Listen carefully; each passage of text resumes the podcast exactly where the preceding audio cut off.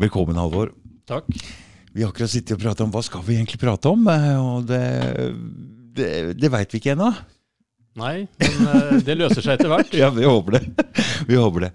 Du, um, du er um, Fortell litt om deg sjøl. Du Ja, jeg kan uh, uh, Jeg er lege. Uh, Jeg var utdannet her i Oslo. Ble først spesialist i indremedisin. Men uh, veier går litt tilfeldig ofte, og uh, jeg havnet etter hvert over i nevrologien. Hva er nevrologi? For nå, Ja. jo, nå fortalte jeg deg en historie oppe om eh, en hendelse Ja. som jeg akkurat uh, en nær venn av meg har blitt utsatt for. Ja, nei, det, det er et spørsmål som mange stiller. Det er mange, de, de fleste har vel bare vage meninger om hva nevrologi er. Men det er en spesialitet i indremedisin som øh, tar seg av hjernen og nervesystemets sykdommer. Ja. Men ikke psykiatri eller psykiske lidelser. Nei. I utgangspunktet, i hvert fall. Men, vi, øh, men typiske nevrologiske sykdommer, det er hjerneslag, som jeg driver mest med. Ja. Epilepsi, multippel sklerose. Ja. Sykdommer i de lange nervene utover i armer og bein, som kalles polynevropati. Ischias. Ischias også? Ja, Ja da. Mm. Ischias er trykk på en nerverot i, i ryggen, så um, svært mange innleggelser er ischias pga. sterke smerter, eller lammelser som kanskje krever en rask operasjon. Så det er ikke bare hjernerelatert, men det er også nervesystemet i hele kroppen? Hele nervesystemet i hele kroppen, ja. Fra Så det skulle hett nervologi isteden, så hadde jeg skjønt øh, lettere hva det er? Ja, det kan du si. Jeg ikke tenkt på, men det har du, det har du sikkert uh, rett i. Det hadde jeg skjønt med en gang. Ja, ja, Så det er nevrologi. ja. Mm. Men det er jo et kjempestort område.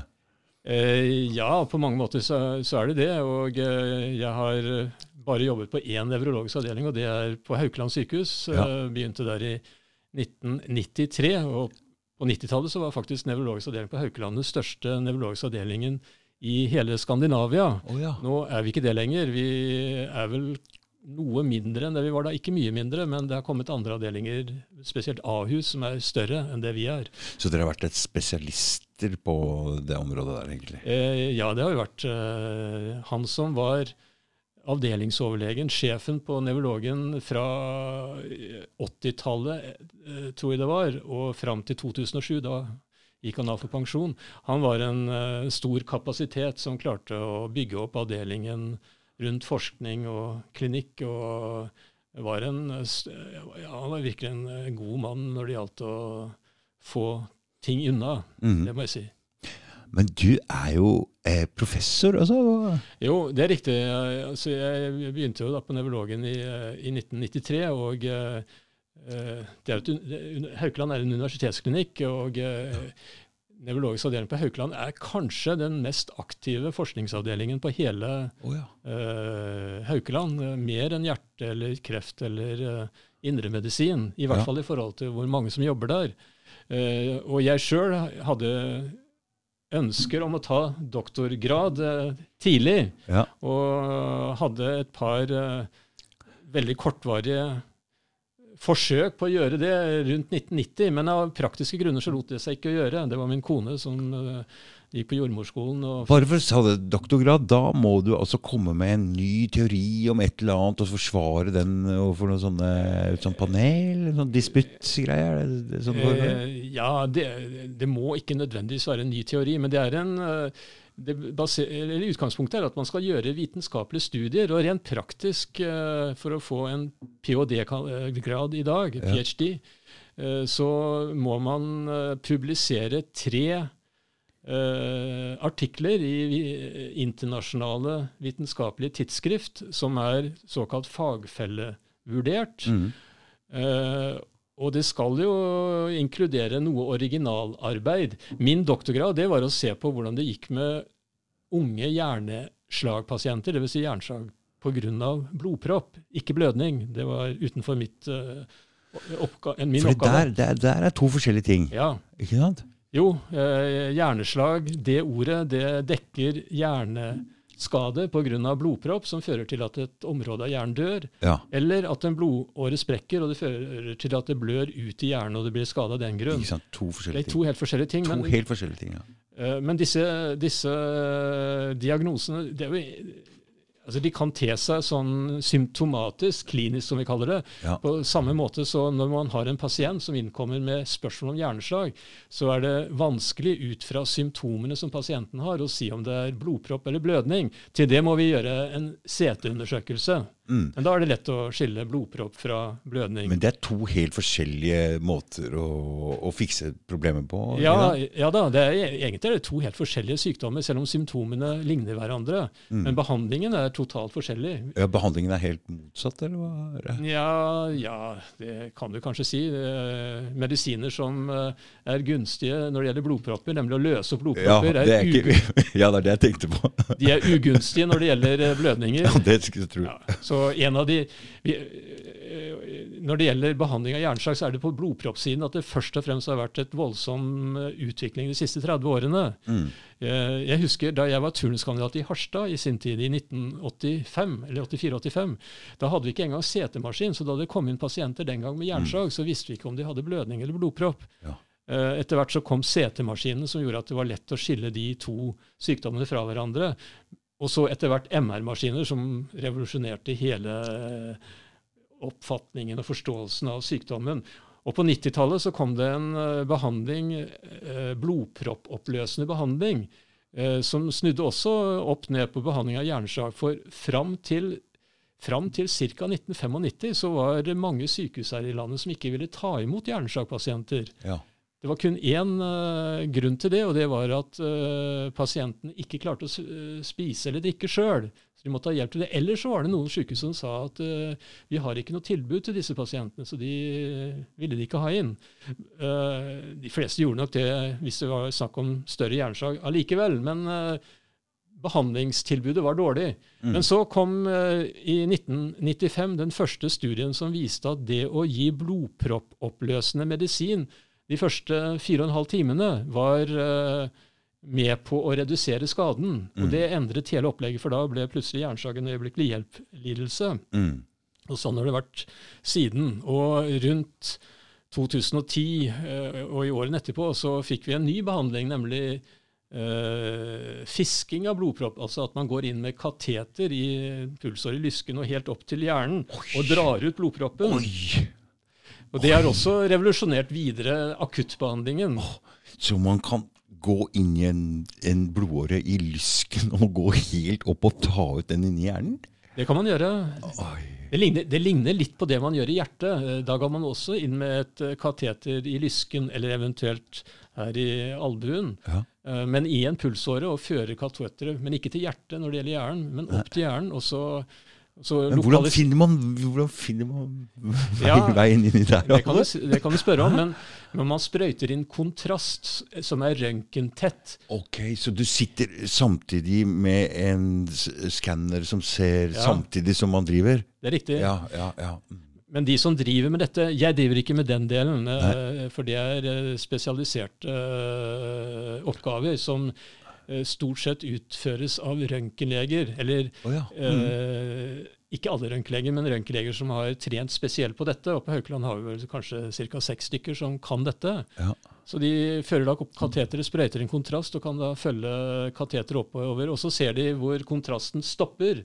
ja. Der er det en blodpropp. Hvis man forventet at der skulle det være en blodåre, men ikke man ser den, så er det en blodpropp der. Og så kjører man kateteret gjennom denne blodproppen, og så er det en, et, en såkalt stent som kan vikle seg inn i blodproppen, så drar Men man du, den ut. dette er jo bitte lite. Hvor lite er det egentlig? Altså, hvordan kan du gå inn i sånne, de små blodårene i hjernen? Da er de kanskje ikke så små? Jo, de, ja, skal vi se de, de minste de går inn i, er vel øh, et, kanskje et eller annet sted mellom 1 og 2 millimeter i diameter, indre diameter. Kan, Det er- Kanskje det er helt ned mot 1 millimeter. Jeg er litt usikker der. Men, øh, men det er smått, i hvert fall. Det er smått. Men, men ikke, ikke Hovedstammene er nok på en uh, over 2 millimeter, kanskje ja, 3 millimeter. Ja, kanskje ikke, men, men, men da, da, har de, da går det greit. Men de minste blodårene kan de ikke gå inn i. Nei, nei, de kan ikke gå inn i. Men det er ikke så viktig heller, fordi De ikke, for da rammer ikke så store deler av hjernen. er Ikke sant? Mm. Ved siden av dette så har det skjedd en uh, stor utvikling når det gjelder medisiner som hindrer at folk får hjerneslag i første omgang, sånn mm. som blodtynne medisiner. Nå okay. snakket vi om mm. blodproppoppløsende medisin. Ja. Det er Akutt greie. akutt. Det er akutt. Mm. Men så har vi blodtynne medisin, f.eks. Dispril. Ja. eh, og andre med medisiner som eh, forebygger eh, blodpropper i utgangspunktet. For dette har jeg hørt om. Ta en halv Dispril om dagen, og det kan liksom Men er det for alle? Er det en sånn Mm, greie? Hva, hva syns du? Nei, der kommer vi jo inn på igjen dette at uh, for at en medisin skal bli akseptert, så må den uh, gjennom et eh, eh, vanlig testopplegg. Ja. Og det testopplegget går ut på at man tar den pasientgruppen man vil teste en medisin i, Mm. Uh, og så deler man den uh, testgruppen eller pasientgruppen i to. Dette er jo frivillig, så klart, men eh, det er jo som regel lett å få med seg pasienter. Mm. Og så vil den ene halvdelen få medisinen, og den andre halvdelen får en narremedisin, som mm. kalles ofte for placebo. Ja.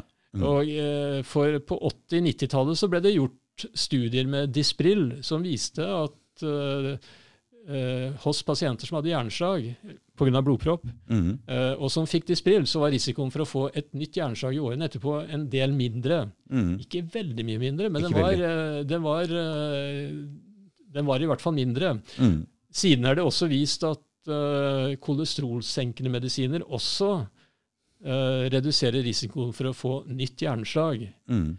Og det samme gjelder blodtrykksmedisiner. Den viktigste grunnen til å behandle blodtrykk er å hindre hjerneslag Mhm. pluss hjerteinfarkt. Mm. Men til å begynne med var det kun hjerneslag som var vist eh, at blodtrykksmedisiner virket mot. Så dette å gjøre seg opp en mening om dette er viktig når man har gitt akuttbehandlingen. Mm. Så min oppgave eh, er først og fremst å ta stilling til dette med eh, forebyggende behandling, fordi jeg er ikke så ofte inne i, i akuttbehandling, for det er det vaktteamet som gjør. Mm, Mhm. Så dette er det jeg driver med til daglig. Mhm. Og, og hvis vi skal trekke en eh, parallell her til eh, noe som vi sikkert skal snakke litt om, nemlig Ja. korona, Ja. så, er det, så, så er det det at uh, i medisin i sin alminnelighet så er det slik at man skal man akseptere en behandling, eller hvis leger Forebyggende behandling? ja, eller, ja, ja, ja. Uansett behandling, f.eks. Mm. denne blodproppoppløsende behandlingen, er også gjennom det samme opplegget, Mm. så skal man velge ut den pasientgruppen som man ønsker å tilby en behandling, eller prøve ut en behandling på. Mm. Og så blir denne gruppen vanligvis delt i to uh, ved loddtrekning. Og så vil den ene gruppen få behandling, den andre gruppen ikke få behandling. Og så er det, så er det noe som kalles for nullhypotese i statistisk sammenheng. og Det betyr at, at man ifra, av statistiske grunner har som utgangspunkt at behandlingen ikke virker. Ja. Og så gjør man eh, studien, får et resultat, og så gjør man statistiske eh, beregninger, og så finner man ut at nei, denne nullhypotesen, at denne medisinen ikke virker, den, den er feil. Ja. Den medisinen virker. Riktig. Og da setter man i gang med, med behandlingen vanligvis. Mm. Hvis behandlingen er eh, effektiv nok, da, at den har en viss betydning, og at ikke det er for mye bivirkninger. Mm. Men da kommer vi litt til dette med korona. Eh, fordi Dette har jeg skrevet i grann om, i hvert fall én gang. Eh, før mars 2020, Mm. eller før 12. mars 2020, mm. så var det bred enighet eh, blant folkehelseeksperter og de som drev med den slags, at eh, dersom det kom en eh, stor epidemi, eh, pandemi, helst influensaepidemi, det var det man var mest eh, forberedt på, mm. så skulle man ikke stenge ned landet.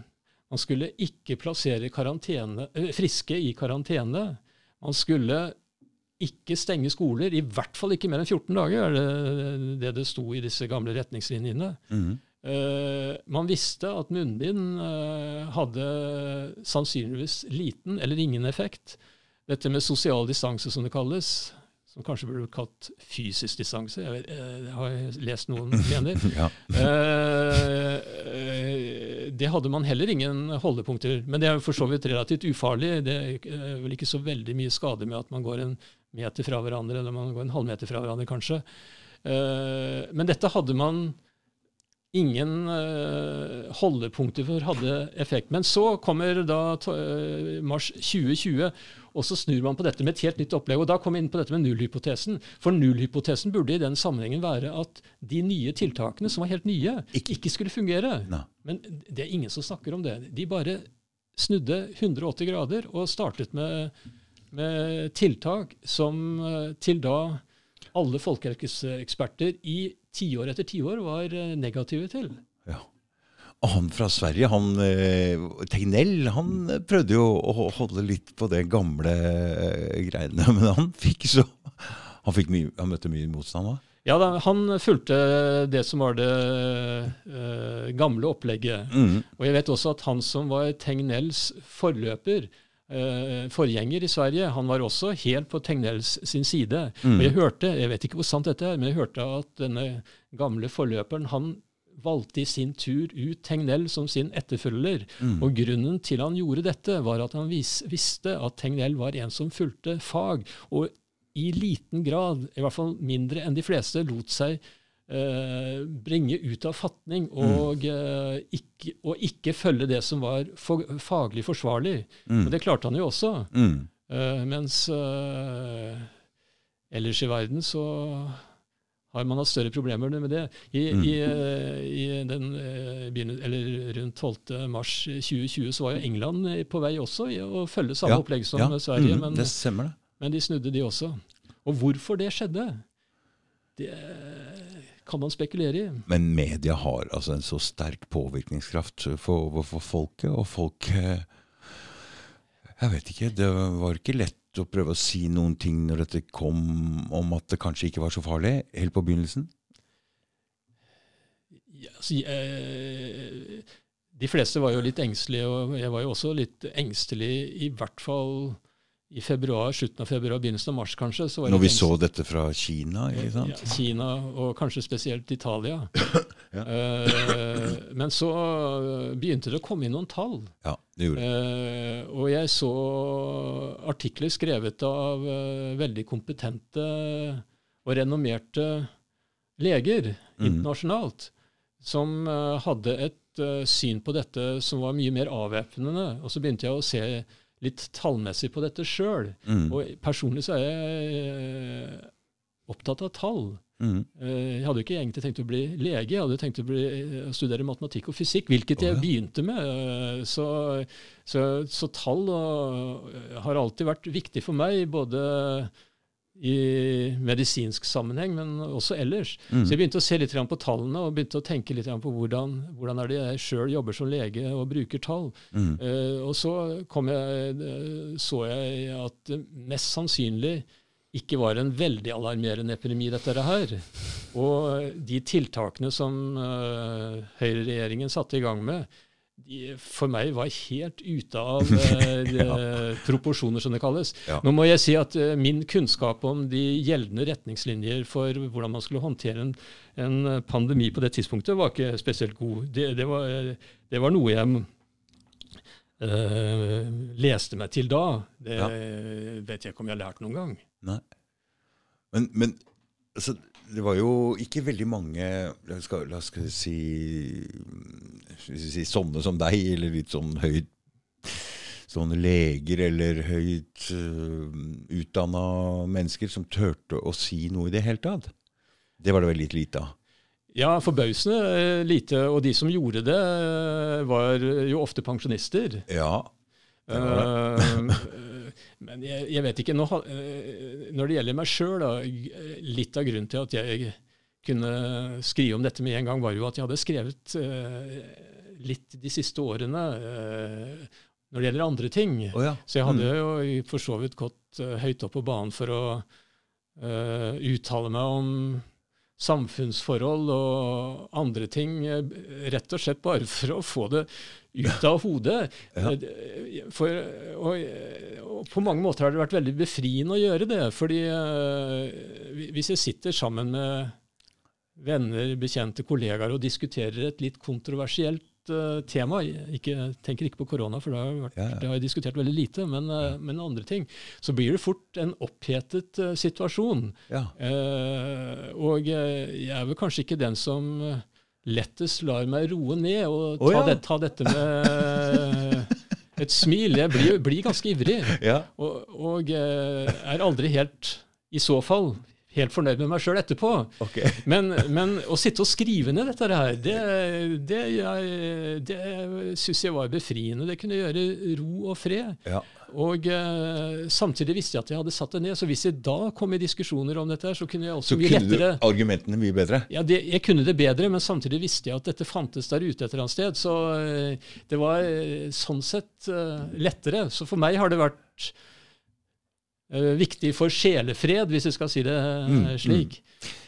Ja, for det, Når man er i en diskusjon, så er det, som du sier, etterpå så tenker du jeg skulle jo sagt det. Hvor ble det av det argumentet? Ja, det, det, det er sant. Jeg husker, jeg husker den første kontroversielle artikkelen jeg skrev. Ja, Det vil Få si- høre. Høre. Hvor kontroversiell er du egentlig, Halvor? Altså, jeg, jeg, tror jo ikke, jeg tror jo egentlig ikke at jeg er så veldig kontroversiell, men, øh, men, øh, men den første artikkelen som dog må sies å ha vært litt kontroversiell øh, Kanskje det var nummer to, men det var, øh, det var en artikkel jeg skrev for Legetidsskriftet. Ja. Eh, Jeg skrev en, øh, en artikkel om helsemonopolet som jeg mente hadde begrenset framtid, for jeg mente av ulike grunner at dette helsemonopolet ville rakne. Hva betyr det helsemonopolet? Eller at vi har et offentlig eh, helsesystem her. Ja, at det er staten ja. som Mm, betaler, og mm, at mm, Mm.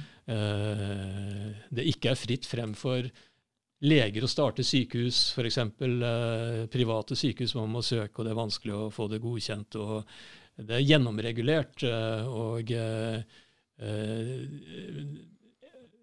det betyr for det første at eh, kreativitet innenfor eh, helse blir i sterk grad begrenset av den grunn. Mm. Så det var i grunnen mitt uh, anliggende der. at uh, Og så finnes det noen økonomiske lover som tilsier at et uh, monopol har begrenser hvor langt de kan nå når det gjelder utvikling på ulike Mm. områder. Mm. Så, så jeg, jeg så det for meg at eh, helsemonopolet ville bli bare dyrere og dyrere, og ikke kunne levere, eh, i hvert fall ikke i forhold til hvor mye dyrere det ble.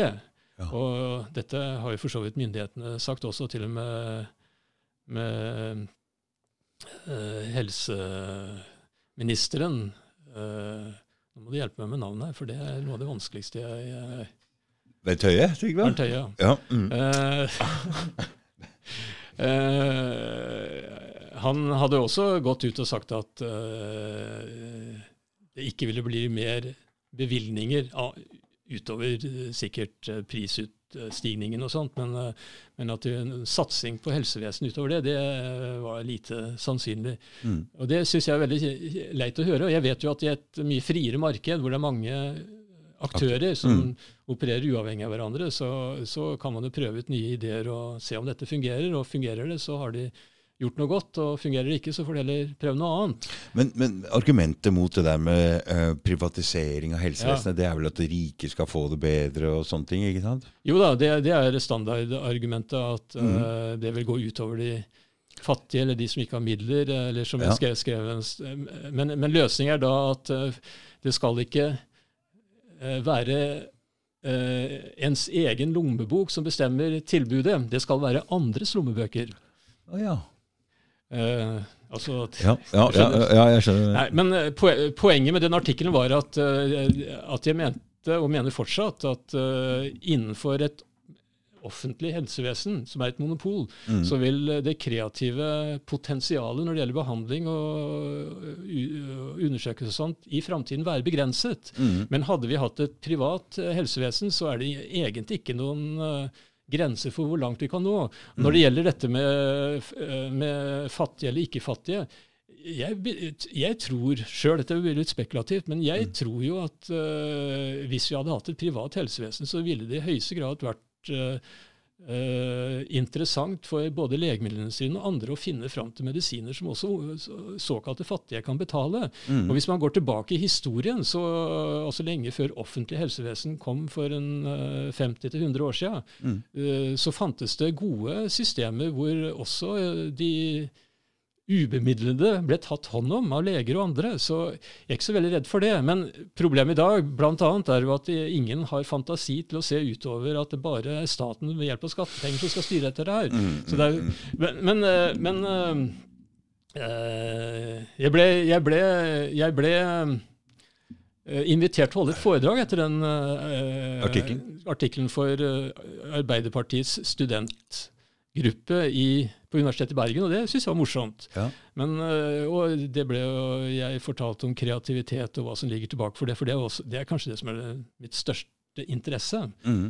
Uh, og, eh, men så fikk jeg noen spørsmål til slutt. Uh, som, eh, og jeg fikk ett spørsmål som jeg ikke klarte å svare på. Det irriterte meg, for jeg visste at jeg hadde svar på det. Men da måtte jeg gå hjem og Egentlig var det godt at jeg fikk det svaret, for det fikk, jo, det fikk meg til å tenke igjennom. Mhm. Men, men, det, men- poenget til denne spørreren, det var at uh, uh, han, var til, han, han skjønte det at et privat helsevesen ville være mer effektivt og få mer ut av pengene, men han var mer tilhenger av et offentlig helsevesen, fordi da ville alle få et tilbud. Selv om det ble dårligere, så ville alle få Like, like tilbudet. ja, Mm, mm. det like tilbudet. Mm. Men, men, men, og så klarte jeg ikke umiddelbart å så svare han på dette, og det var jo dumt, for det var jo det som var hovedpoenget mitt med artikkelen. Mm. Men når man da har et monopol og et offentlig helsevesen, så vil man mangle muligheten til å prøve ut nye ting som er effektive. Mm. Vi har et helsevesen som, som på mange måter kan sammenlignes med romfartsprogrammet i USA, hvor det var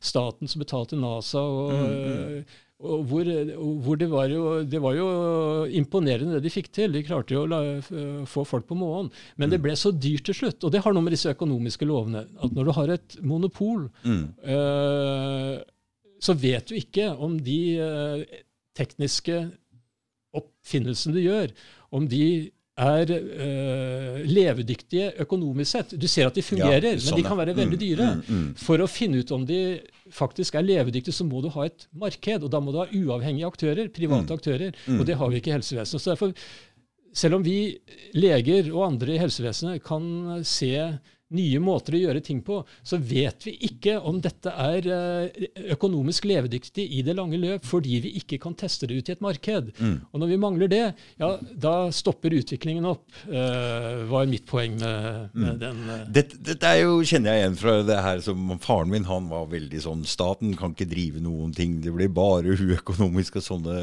han var helt der. Men eh, kan ikke staten drive noe som helst eh, business? Altså, burde ikke staten eh, ta ansvaret for noen ting? For nå er, bruker de med dette som argument og selger jo ut ting eh, til private aktører og forsvinner jo ut av landet. Så er ikke dette også en diskusjon som er litt viktig her nå? eller? Jo, ja, du tenker på strømpriser og alt det? Ja, jeg tenker på strømpriser, men jeg tenker også på øh, så jeg tenker på hvis, hvis det er noe som er viktig i landet Norge, så er det jo kanskje å ha et sted å bo. Eh, Det er jo vinter her, og alle har jo krav på et sted å bo. Når vi, så, når vi ser hvordan priser og alt har bare skutt Det er ikke lett for nye folk å etablere seg. Burde ikke det vært en Jeg veit når mamma og pappa kjøpte denne leiligheten, så var det jo um, Det var jo De var, var ventelister. Det var fast pris. Eh, så mm, Men nå er det jo gått helt av hengslene, det her. Ja, eh, ja, det er riktig, men, men jeg tror jo at det skyldes at det ikke er et fungerende marked når det gjelder eh, Ja. eh, hus, eh, leiligheter, Ja. eh, av den grunn at det er så gjennomregulert. Altså, Gjennomregulert og ja, vanskelig å bygge, ikke sant? Ja, altså, eh, Du kan jo ikke bygge ut i Nordmarka, skjønner jeg. Det, Nei, det, det er nei, fredet, nei. og, det, Mm, mm, og det setter mm. sånne krav til eh, standard i hus. og Som det har blitt nå, ja. Ja. Mm. Så det er mange, mange grunner til at dette blir vanskelig, i Mm. hvert fall på kort sikt. Men Mm. eh, så med et, uh, et gammeldags uh, system på privat eiendom, Mm. så er jeg ganske sikker på at dette ville ha vært en helt annen situasjon med mye Ja.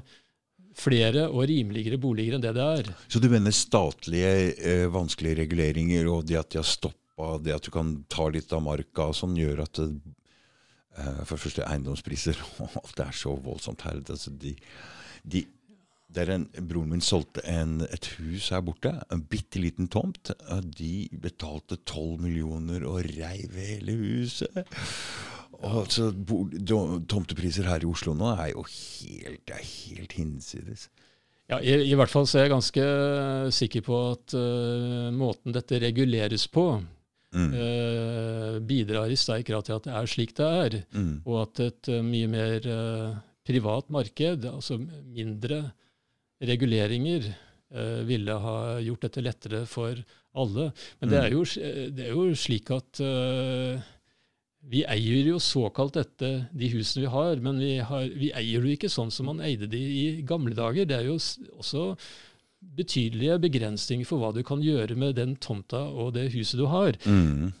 Det, det, er forståelig at det kan være en del sånne regler i et naboskap, at man uh, skal Mm. forholde seg innenfor visse regler der. Men Mm. utover det så er det jo så mange regler som, som uh, opphever deler av den eiendomsretten som vi måtte ha til egen hus og bolig og tomt. Og jeg, tar jeg nevner dette nå, for jeg diskuterte dette akkurat med en kamerat. Mm. For på min uh, tomt i Bergen, Mm. der står det to eiketrær, som jeg er veldig stolt av. Ja. Eh, og det flotteste står dessverre litt for nært eh, naboen. Ja. Og naboen eh, ønsker det fjernet for, av, av to grunner. For det første så skjermer det delvis av sola på visse tider av døgnet, og for det andre så er det ganske mye løv som eh, Ja. faller ned der. Mm. Så jeg kan forstå det. Og eh, personlig så har jeg mest lyst til at det treet skal stå, selv om det også tar en del av sola for oss. Mm. Eh, kona er mer opptatt av sola enn eh, treet, så hun ja, med naboen. ja, nei, Hun ville gjerne at treet skulle forsvinne. Mm. Og så hadde vi en diskusjon, og så sa hun nei, vi, jeg tror vi går for oss å ta treet. Mm. Men så viser det seg at det finnes en regel som, eller en lov, eller hva man skal kalle det, eller ikke lov, i- ja, regel, Mm. som gjør at vi ikke kan fjerne det. Oh, ja. og, og det er en spesialregel som angår eiketrær, nemlig at hvis et eiketre har en, nei, en omkrets i brysthøyde på mer enn to meter, Ja. vil si 1,30 over bakken, er definert som brysthøyde, Ja. så er det fredet. Riktig. Så vi kan ikke gjøre det. Så derfor, derfor må si, Jeg eier ikke det treet, da. Det er eh, Norges befolkning som eier dette treet. Men disse trærne, hvis de står i nærheten av eh, asfalt eller fortau altså Rødt rotsystemet er jo helt voldsomt på disse trærne. Det brøyter seg vei og ødelegger alt som er. Så, Jo da. så må jo Men ikke eiketreet mitt. Det står langt fra vei. Så, Ja, ja, men det står, det står så nær eh, naboens tomt at den regelen om at uh, høyden på treet i forhold til avstand til uh, grensa Nå husker jeg ikke detaljene med det, men hvis, det er, hvis det forholdstallet der er mm. under eller over et nivå, så, så kan det forlanges fjernet. Ja. Og det er det i dette tilfellet ingen tvil om, at dette treet er både høyt og Men staten sier nei. Ja, nå kommer den spesialregelen inn, og Mm, jeg mm. forstår det slik at disse spesialreglene trumfer eh, denne høyde. Avstandsforskjellen. Mm. Så nei, Eiendomsretten er uthulet på mange måter eh, Ja i, i, gjennom mange år, og dette bare fortsetter gjennom reguleringer fra myndighetenes side. Og min, jeg har skrevet mye mot staten, og, og, den, og, og eh, en eh, viktig grunn til det er nettopp dette at staten ikke har noen muligheter til å så være kreativ eh, og eh, eh, bidra til en videre utvikling. Ikke fordi de politikere eller byråkrater er inkompetente eller idioter, men det er ikke teknisk eller praktisk eller eh, faktisk mulig så lenge eh, de sitter i monopolsystemet. fordi man er helt nødt til å ha uavhengige aktører innenfor pengesystemet som tester ut nye ideer, og så får man se hva forbrukerne ønsker, og så kan man eh, gradvis uh, komme seg videre. Mm. Men det er, det, det er det man ikke vil. Og, så, og hvis vi skal snakke om strøm, så, så er det dessverre slik, må jeg si, når jeg leser uh, uh, mange meninger om dette i dag, at det er det såkalte markedssystemet, det liberale markedssystemet som er skylda for at vi har havnet i den situasjonen vi er i dag. Ja. Og på mange Mm. måter er det noe i det. Ja. Men men det, er, det er ikke av det er ikke pga. kapitalisme eller marked at vi har fått det vi har nå. Det er Mm. pga. at uh, myndigheter i ulike land har regulert Mm. eh, strømnettet eller energiproduksjonen slik de har gjort det. Mm. Og så kommer de private aktørene på toppen av det. Og det er jo slik det er at de selger jo der de kan få høyest pris. Mm. Det må man bare forvente. Mm. Men når Tyskland f.eks. har uh, lagt ned mange atomkraftverk Mm. og uh, har problemer med gasstilførselen, Mm. så er det jo ikke rart at prisen stiger der. Og uh, at norske aktører på energimarkedet da sender strøm ned til Tyskland, er jo forståelig. Det, alle, alle som driver bedrifter, har jo som oppgave også å tjene penger. Hvis de ikke Mm. gjør det, så, så misbruker de det de egentlig skal forvalte da. Mm. Men så kan man jo si at vi i Norge har hatt en særfordel ved at vi har hatt vannkraften, at vi ikke skulle hatt disse ledningene ned, og det er kanskje riktig men øh, fra et ståsted. Men, men så er det noe slik i markedet. Hvis man har et fritt marked, så vil alle forbruksvarer med tiden tendere til å bli billigere. Mm. Og det samme gjelder strøm. Så hvis Mm. vi hadde hatt et fritt marked, Mm. Mm. så ville vi over år, med opp- og nedbevegelse, så klart, så ville man forvente at det ville bli billigere og billigere, og ikke slik som det er nå, at det blir dyrere og dyrere. Nei. Eh, så kan man jo tenke seg at eh, vi allikevel i Norge ville hatt en fordel av å ikke være koblet til eh, England og Tyskland og Nederland dersom ikke disse strømkablene var lagt ut, fordi vi har våre særfordeler. Mm. Men hvis all energi, hele energimarkedet i Europa, virkelig hadde vært fritt, så Ja ville prisene gått ned. Og da ville jeg kanskje tro at vi også med årene ville fått uh, i perioder klart billigere energi enn det vi ville gjort hvis vi var aleine. Mm. Så denne, det, det er to tanker som har gått her. De har ikke vært klar over at det skulle bygges ned både kjernekraftverk og kullkraftverk. I den forstand samtidig har de bygd disse kablene med tanke på å åpne opp det frie markedet. Dette, altså jeg er jo ikke noen ekspert på dette, eh, men eh, at Tyskland skulle legge ned atomkraftverkene, det var jo velkjent. eh, Det bestemte de seg for for 10-12 år siden, så Å, det har vært velkjent eh, Mm. at de ville det. Eh, Det har også vært velkjent at det har vært dyrt å produsere strøm fra solceller og vindmøller. Mm. Eh, dette med gassproduksjon det er så ekstremt eh, politisk eh, bestemt igjen. Mm. og Der varierer jo strømningene. de politiske strømningene, ikke, Ja, ikke ja, de ja. elektriske. Mm. Eh, så eh, for, meg, for, for meg måtte dette være forutsigbart for mange. Det har i hvert fall vært forutsigbart for en god del eksperter. Mm. Men uh, politikerne har likevel valgt å gjøre det de gjør, og da kan man jo lure på hvorfor de gjør det. Det vet jeg ikke, også, Men uh, det virker hodeløst for meg, i hvert fall.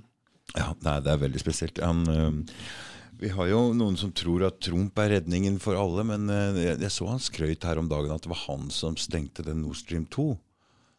Ja, da fikk jeg litt rare tanker, for jeg tenkte hvordan kan egentlig en amerikansk president bestemme at Tyskland ikke skal åpne den Nord Stream 2, altså den nye ledningen fra Russland? Uh, jeg tenkte jeg, ble aldri Vest-Tyskland et fritt land, eller hvordan, hva er det for noe? Der? Nei, jeg vet ikke. Han kan vel ikke bestemme det, men han kan vel kanskje Han skrøt i hvert fall av det. Ja, han har vel skrytt av mye, men, eh, men eh, jeg vet ikke. Eh, Som president så kan man vel legge en del sterke føringer, selv om man ikke kan eh, bestemme det fullstendig. Jeg vet ikke. Nei, men jeg tror ikke det var Tyskland som bestemte det, tror jeg. Nei, nei det kan godt være det. Det kan godt være det. Det, det kan jeg ikke svare på.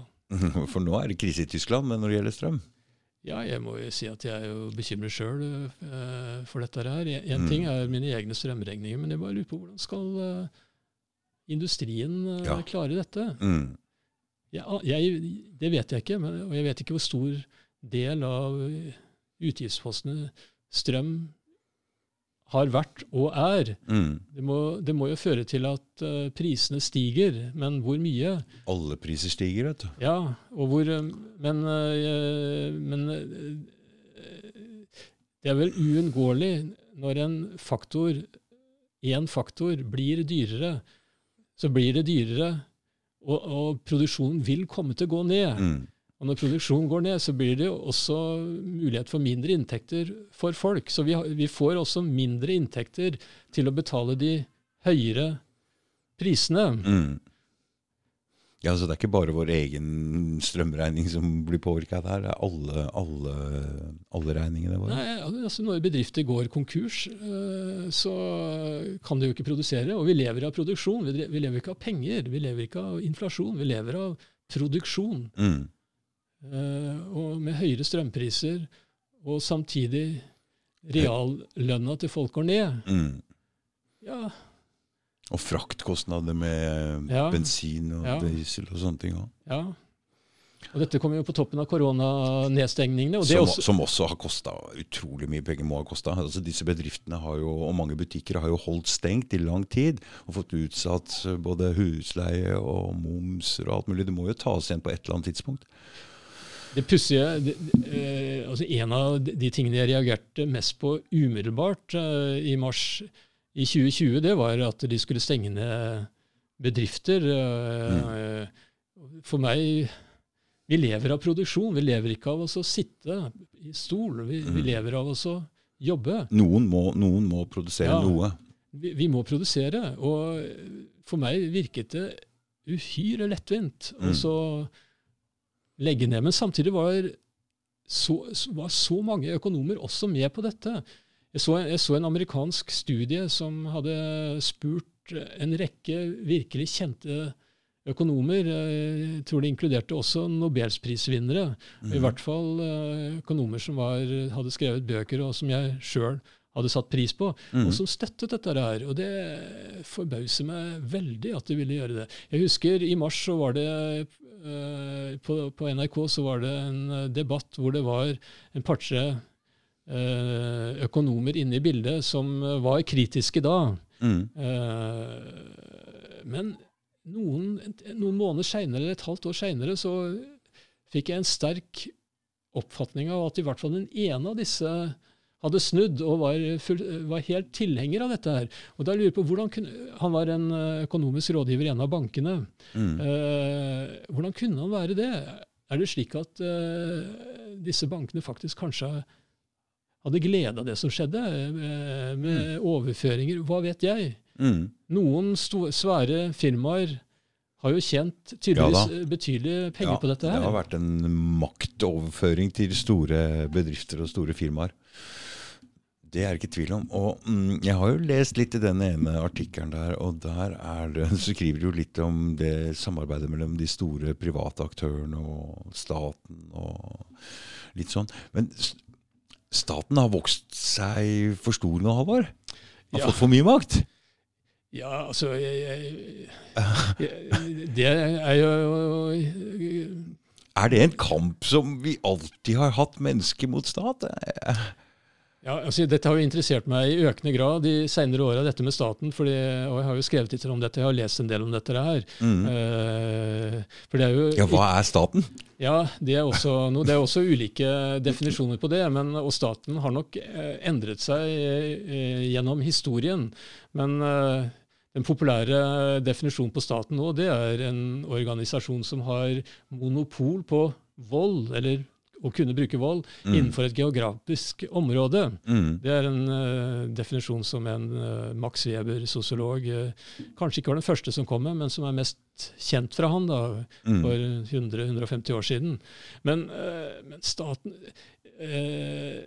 Mennesket har levd i 200 000-300 000 år, Mm. sies det. Mm. Om det er riktig, det vet jeg ikke, men vi har i hvert fall eksistert som mer eller mindre moderne mennesker på kloden i titusener av år. Mm. Uh, og mesteparten av den tiden har det ikke eksistert en eneste stat. Nei. Og den første, første staten oppsto i uh, Irak ca. 5000 år siden. For, er det Mesopotamia? Er det Mesopotamia, ja. Mm, Mm, mm. Og eh, jeg, jeg leste en eh, interessant bok av en som heter James Scott, som eh, er en av mange som har skrevet om dette. Men Mm. han brukes delvis som pensum på har jeg sett på Universitetet i Bergen i statsvitenskap, så han er nå akseptert så langt. Mm. Uh, han eh, skriver det at, uh, forutsetningen for en, at forutsetningen for den første staten, det var kornproduksjon. Ja. Uh, for kornproduksjon kan beskattes. Og eh, man kan ikke ha en stat eller et statsapparat, eh, konge med byråkrater, Uten uten penger. Nei, eller i hvert fall uten, eh, uten mat. For vi sier ut at noen må produsere mer enn det de trenger. Mm. Eh, og slik uh, oppsto ifølge James Scott den første staten. Og det passer med empiri ved at alle statsdannelser, uavhengig av hverandre, har oppstått der hvor det har vært uh, kornproduksjon. Mm. Enten det har vært ris, mais eller hvete uh, eller andre kornsorter. Mm. Så det er nok mye i det. Og så er det en annen ting som jeg tror uh, bestemte, og som ikke har sett eh, omtalt så mye, men det er skriftspråket. Fordi skriftspråket ble oppfunnet i, i Mesopotamia kort tid før den første statsdannelsen. og det tro, Jeg har vanskelig for å tro at det er en tilfeldighet. Mm. Jeg tror, ikke det var, en- jeg tror ikke det var en konge eller en mulig konge som fant opp språket, eller skriftspråket, men skriftspråket gjorde det mulig å, å registrere korn og varer på en helt annen måte enn det som var mulig tidligere, for da gikk det på hukommelse. Men, Mm. men her kunne man plutselig skrive ned hvor mye varer som fantes i området, og hvor mye som én skyldte en annen osv. Mm. skriftlig, slik at det ble mye mer sikkert det man forholdt seg til. Og det tror jeg kan ha bidratt til at en elite kunne klare å en gryende makt å og øh, stjele, da, for det, det, er jo det, det, er jo det det utgangspunktet er. Ja, på en måte, ja. Eh, overskuddet fra bøndene. Mm. eh, og, eh, Og bruke det til å berike seg sjøl. Ja. For det ser vi jo at du har vært en adel og en elite som Ja. har kosa seg litt. Så, så på, på den måten så, så må det ha skjedd. Noen, noen tror at uh, den første stat begynte som en mafiabevegelse. Det vet jeg ikke. Andre mener uh, uh, Men på en eller annen måte må det ha vært en elite som har eh, plassert seg i en situasjon hvor de har eh, ment at de kan eh, ta fra andre, stjele fra andre. Ja, for jeg leste litt om noe du har skrevet før du, ø, før du kom, og da var det vel sånn at alle I en krigssituasjon så er det jo lett å samle en gruppe mennesker og på en måte beskatte og betale Ja. for, for, for um, si beskyttelse, da, Ja, eller hva, hva som helst. Men rett etter disse krigene var over, så skulle disse folka bort igjen. Ja, øh, jeg leste, det var en interessant bok jeg leste for en, en tre-fire år siden som uh, tok opp ak akkurat dette, og mente at, eh, at det var store holdepunkter for at folk før de første statene kunne eh, samarbeide i ganske store grupper i kortere perioder. Mm. Spesielt kanskje i forbindelse med krig, men ikke bare krig. Nei. I USA så er det en interessant uh, uh, arkeologisk uh, eh, haug Mm. eh, som er så svær at man har eh, beregnet at det måtte man har beregnet hvor mange det var som måtte jobbe for å få til denne. Mm. Og man vet også hvor lang tid de brukte. Men hva fant de inn i der? Nei, jeg vet ikke, det vet jeg ikke. Men, men, men det interessante her er at de har beregnet hvor mange som måtte delta i arbeidet for å bygge den strukturen. Mm. Og de vet hvor lang tid de brukte. Og grunnen til at de kan vite hvor lang tid de brukte, det er at hele greia ble bygd mellom to regnskyer. Altså det er ikke spor etter regn Å ja. i selve strukturen. Så det Mm. må ha vært en Kort periode.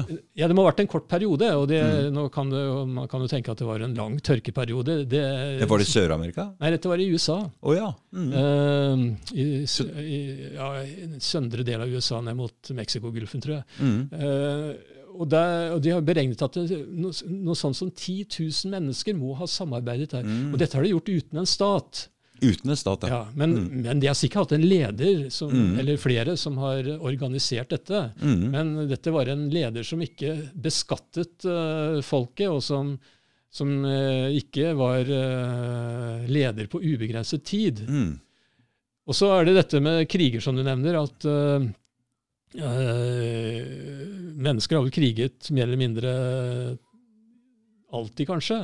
Eh, Ja, altså Vi må jo beskytte oss. Det er jo sånn, Jeg føler jo det. Jo da. At vi har et sånt Men det vanlige, gen i oss. det vanlige har da vært uh, før staten at man valgte en leder, antagelig den som de fleste mente var mest kompetent, som da ledet i krigen. Men når krigen var over, så gikk denne lederen tilbake til sitt vanlige virke. Og Der, der sto det i denne boken om en uh, germansk hærfører som hadde slått en romersk hær uh, en eller annen gang eh, eh, før Romerriket gikk over ende. Mm. Eh, og det, Arminius heter denne hærføreren Mm. som var da valgt for nettopp denne krigen. Men han ville fortsette å være Sjef. ja. Ja. Men det, det var utenkelig for disse germanerne, så de drepte han. Ja. Uh, og, eh, så det viser at det, antagelig har det i vår forhistorie vært veldig vanskelig å så ta kommandoen og, og, og danne en stat. Det Mm. finnes eh, Det kom en bok nå Det er veldig interessante tanker når vi ser hvor gjennomregulert og statlig vi lever nå. Ja. Når Ja, vi det er jo å det, tenke på de frie, litt mer måte, fri måte å leve på. I høyeste grad. Eh, det kom en uh, bok nå i, uh, for noen måneder siden av en amerikansk antropolog. Det er to stykker, to antropologer. jeg kan bare navn på den ene, og det er David Graber. Mm. Han døde for et års tid siden av en infeksjonssykdom som tror jeg i relativt ung alder. Og det er jo synd, men, for han kunne sikkert ha bidratt med mye mer. men har, de to har skrevet en, en bok om men vår, vår forhistorie før staten, må jeg, må jeg si. Han har mm. særlig god kjennskap til hvordan indianerne i Nord-Amerika levde seg mm. imellom. Mm. Og de hadde, ingen, eh, de hadde ingen stat, de hadde ingen uh, leder Ikke i Nord-Amerika, i hvert fall. De hadde det i Mellom-Amerika, men ikke i Nord-Amerika. Mm. Men, men, han viser også til uh, arkeologiske funn i uh, Tyrkia og Midtøsten, hvor man har funnet byer som uh, oppsto flere tusen år før den første stat. Mm. Så, og, hvor det har bodd uh, eh, 2000-3000, kanskje flere, mennesker mm. nokså tett uh, mm. i en by. Men mm. uten og, og, det har ikke vært en stat. De har ikke hatt en uh, leder med monopol på vold i den byen der. Og, og, grunnen til at vi kan si det, er at det er ingen hus som skiller seg ut. For med en gang det kommer en mm, konge, mm, så har man en, uh, ja. mm. et slott eller en, en, bolig eller, som skiller seg fra resten. Men sånn mm. var det ikke der. Så, så det betyr at uh, i flere tusen år så har folk bodd ganske tett enkelte steder uten at det har oppstått du, en Det der hadde vi klart helt fint. Jeg har begynt å tenke tanken nå som eh, politiet har blitt nedgradert på noen områder. Så begynner jeg å tenke tanken La oss si at det ikke hadde vært noe politi, da. Ja. Og La oss si det hadde vært en, et ektepar som hadde krangla her borte, og ja. høylytt, så vi hadde hørt alle naboene. Ja. Um, hvis det ikke hadde funnes noe politi, så hadde det vært skikkelser i nabolaget her som hadde naturlig gått inn og roet ned den konflikten der. Det er jeg helt sikker på. Uh, men, men med, nå, sånn som det er nå, så ringer folk politiet. Mm, den ene parten blir tatt ut, kastet i glattcelle, og konflikten blir sikkert ikke mindre der borte. Og etterpå så må alle naboene gå og peke der i tre-fire uker etterpå. Her var det politi, og blir en skamgreie. Så jeg, jeg, jeg, har en annen situasjon hvor en venn av meg ble frastjålet en del gull. Han drar da ned til Tønsberg for å dra denne fyren ut av uh, leiligheten sin. og så ender han opp med å komme i fengsel sjøl. Så jeg ser en del uh, ting her hvor, hvor kanskje politiet eh, Kanskje vi hadde Jeg tror Hadde ikke hatt dem, så hadde kanskje vi tatt tak i det der sjøl. Helt, helt, naturlig. Ja det, ja, det, er jeg helt sikker på. Det var jo sånn det ble gjort også tidligere. Mm. Så det som vel er spørsmålet da, er om det voldsnivået som jo alltid vil være der, for det, det, det, det vil, mm. vil, alltid være noen noen må jo ta tak i disse naboene som krangler. Ja. De blir jo ikke borte fordi om politiet blir borte. Neida. det kan hende at det blir mindre av det, men det, det vet jeg ikke. Men, men, eh, det som vel har blitt sett på som det store spørsmålet, det er at uten politi så vil det være så mye mer av dette. Men jeg er sannelig ikke sikker på det. Jeg tror ikke det. Nei. Jeg tror ikke det. Jeg tror det hadde blitt um, Hvis nabolaget hadde stått mer sammen, så hadde det blitt tatt hånd om på en mye bedre måte. Altså, jeg tror det. Jeg ja, tror jeg det. tror det, ja. Så det er bare en sånn interessant tanke som har begynt å slå meg litt nå i det siste. Hva om vi ikke hadde hatt det? Jeg, jeg, jeg, jeg, tror på mennesker. Jeg tror mennesket er egentlig godt. Men det blir vel sånn som i en la oss si en klassesituasjon på skolen. Da, hvor det er kanskje bedre at de som er rebeller, er litt snillere enn de, hvis det blir de verste som tar over der. For det er jo litt forskjell på det òg. Jo da, men eh, jeg tror jo at vi har eh, innenfor sivilsamfunnet gjennom historien hatt mange måter også å takle sånn på. Så, mm. Men dette har jo blitt eh, frarøvet oss. da. Ja. Det har blitt uh, en oppgave for staten. Politiet. Hvor lenge har vi hatt politi i Norge? Vi hadde vel lensmann i noen hundre år, kanskje. Mm. men... Uh, Politi er vel av nyere dato. Men mm. politi i Romerriket, f.eks. Mm. Uh, så vidt jeg vet, så fikk uh, Romerriket politi med den første keiseren. Så da hadde de hatt den romerske republikk i 500 år uten politi. Ja. Men de hadde jo måter også å sikre seg mot vold. Men, mm. men, de hadde altså ikke politi. Så, og og når, når kom politiet i England, f.eks.? Om det var på 1700-tallet eller 1800-tallet, jeg vet ikke. Men største delen av vår historie så har vi ikke hatt politi, i hvert fall. Nei. Og største delen av vår historie har vi ikke hatt stat. Ja. Og, eh, det, og, og staten er altså unnfanget som et voldssystem. Det er voldsmonopol. Ja og vi skal tro i dag at dette voldsmonopolet har endret karakter fra å være eh, noe som mer ligner en mafiabevegelse gammelt av, Mm. til å være det største gode for samfunnet, som skal bidra til uh, utvikling, til fred. For meg, for meg er- Når skjedde denne, dette faseskiftet som det må ha vært? Fra, fra å være en undertrykkende institusjon Mm. til tilsynelatende skulle være en oppofrende, uegoistisk jeg, jeg, jeg finner, For meg er dette en, en tanke som blir mer og mer pussig, som jeg ikke Mm, forstår. mm. Det andre, andre som jeg har snakket om tidligere, er at staten, fordi det er et monopol, ikke kan drive kreativ utvikling. Mm. De, er, de bare forbruker. De lever av skatter og inflasjon. De, lever, de kan ikke produs, produsere i utgangspunktet. Nei, det gjør de jo ikke. Altså Produksjonen deres er egentlig forbruk.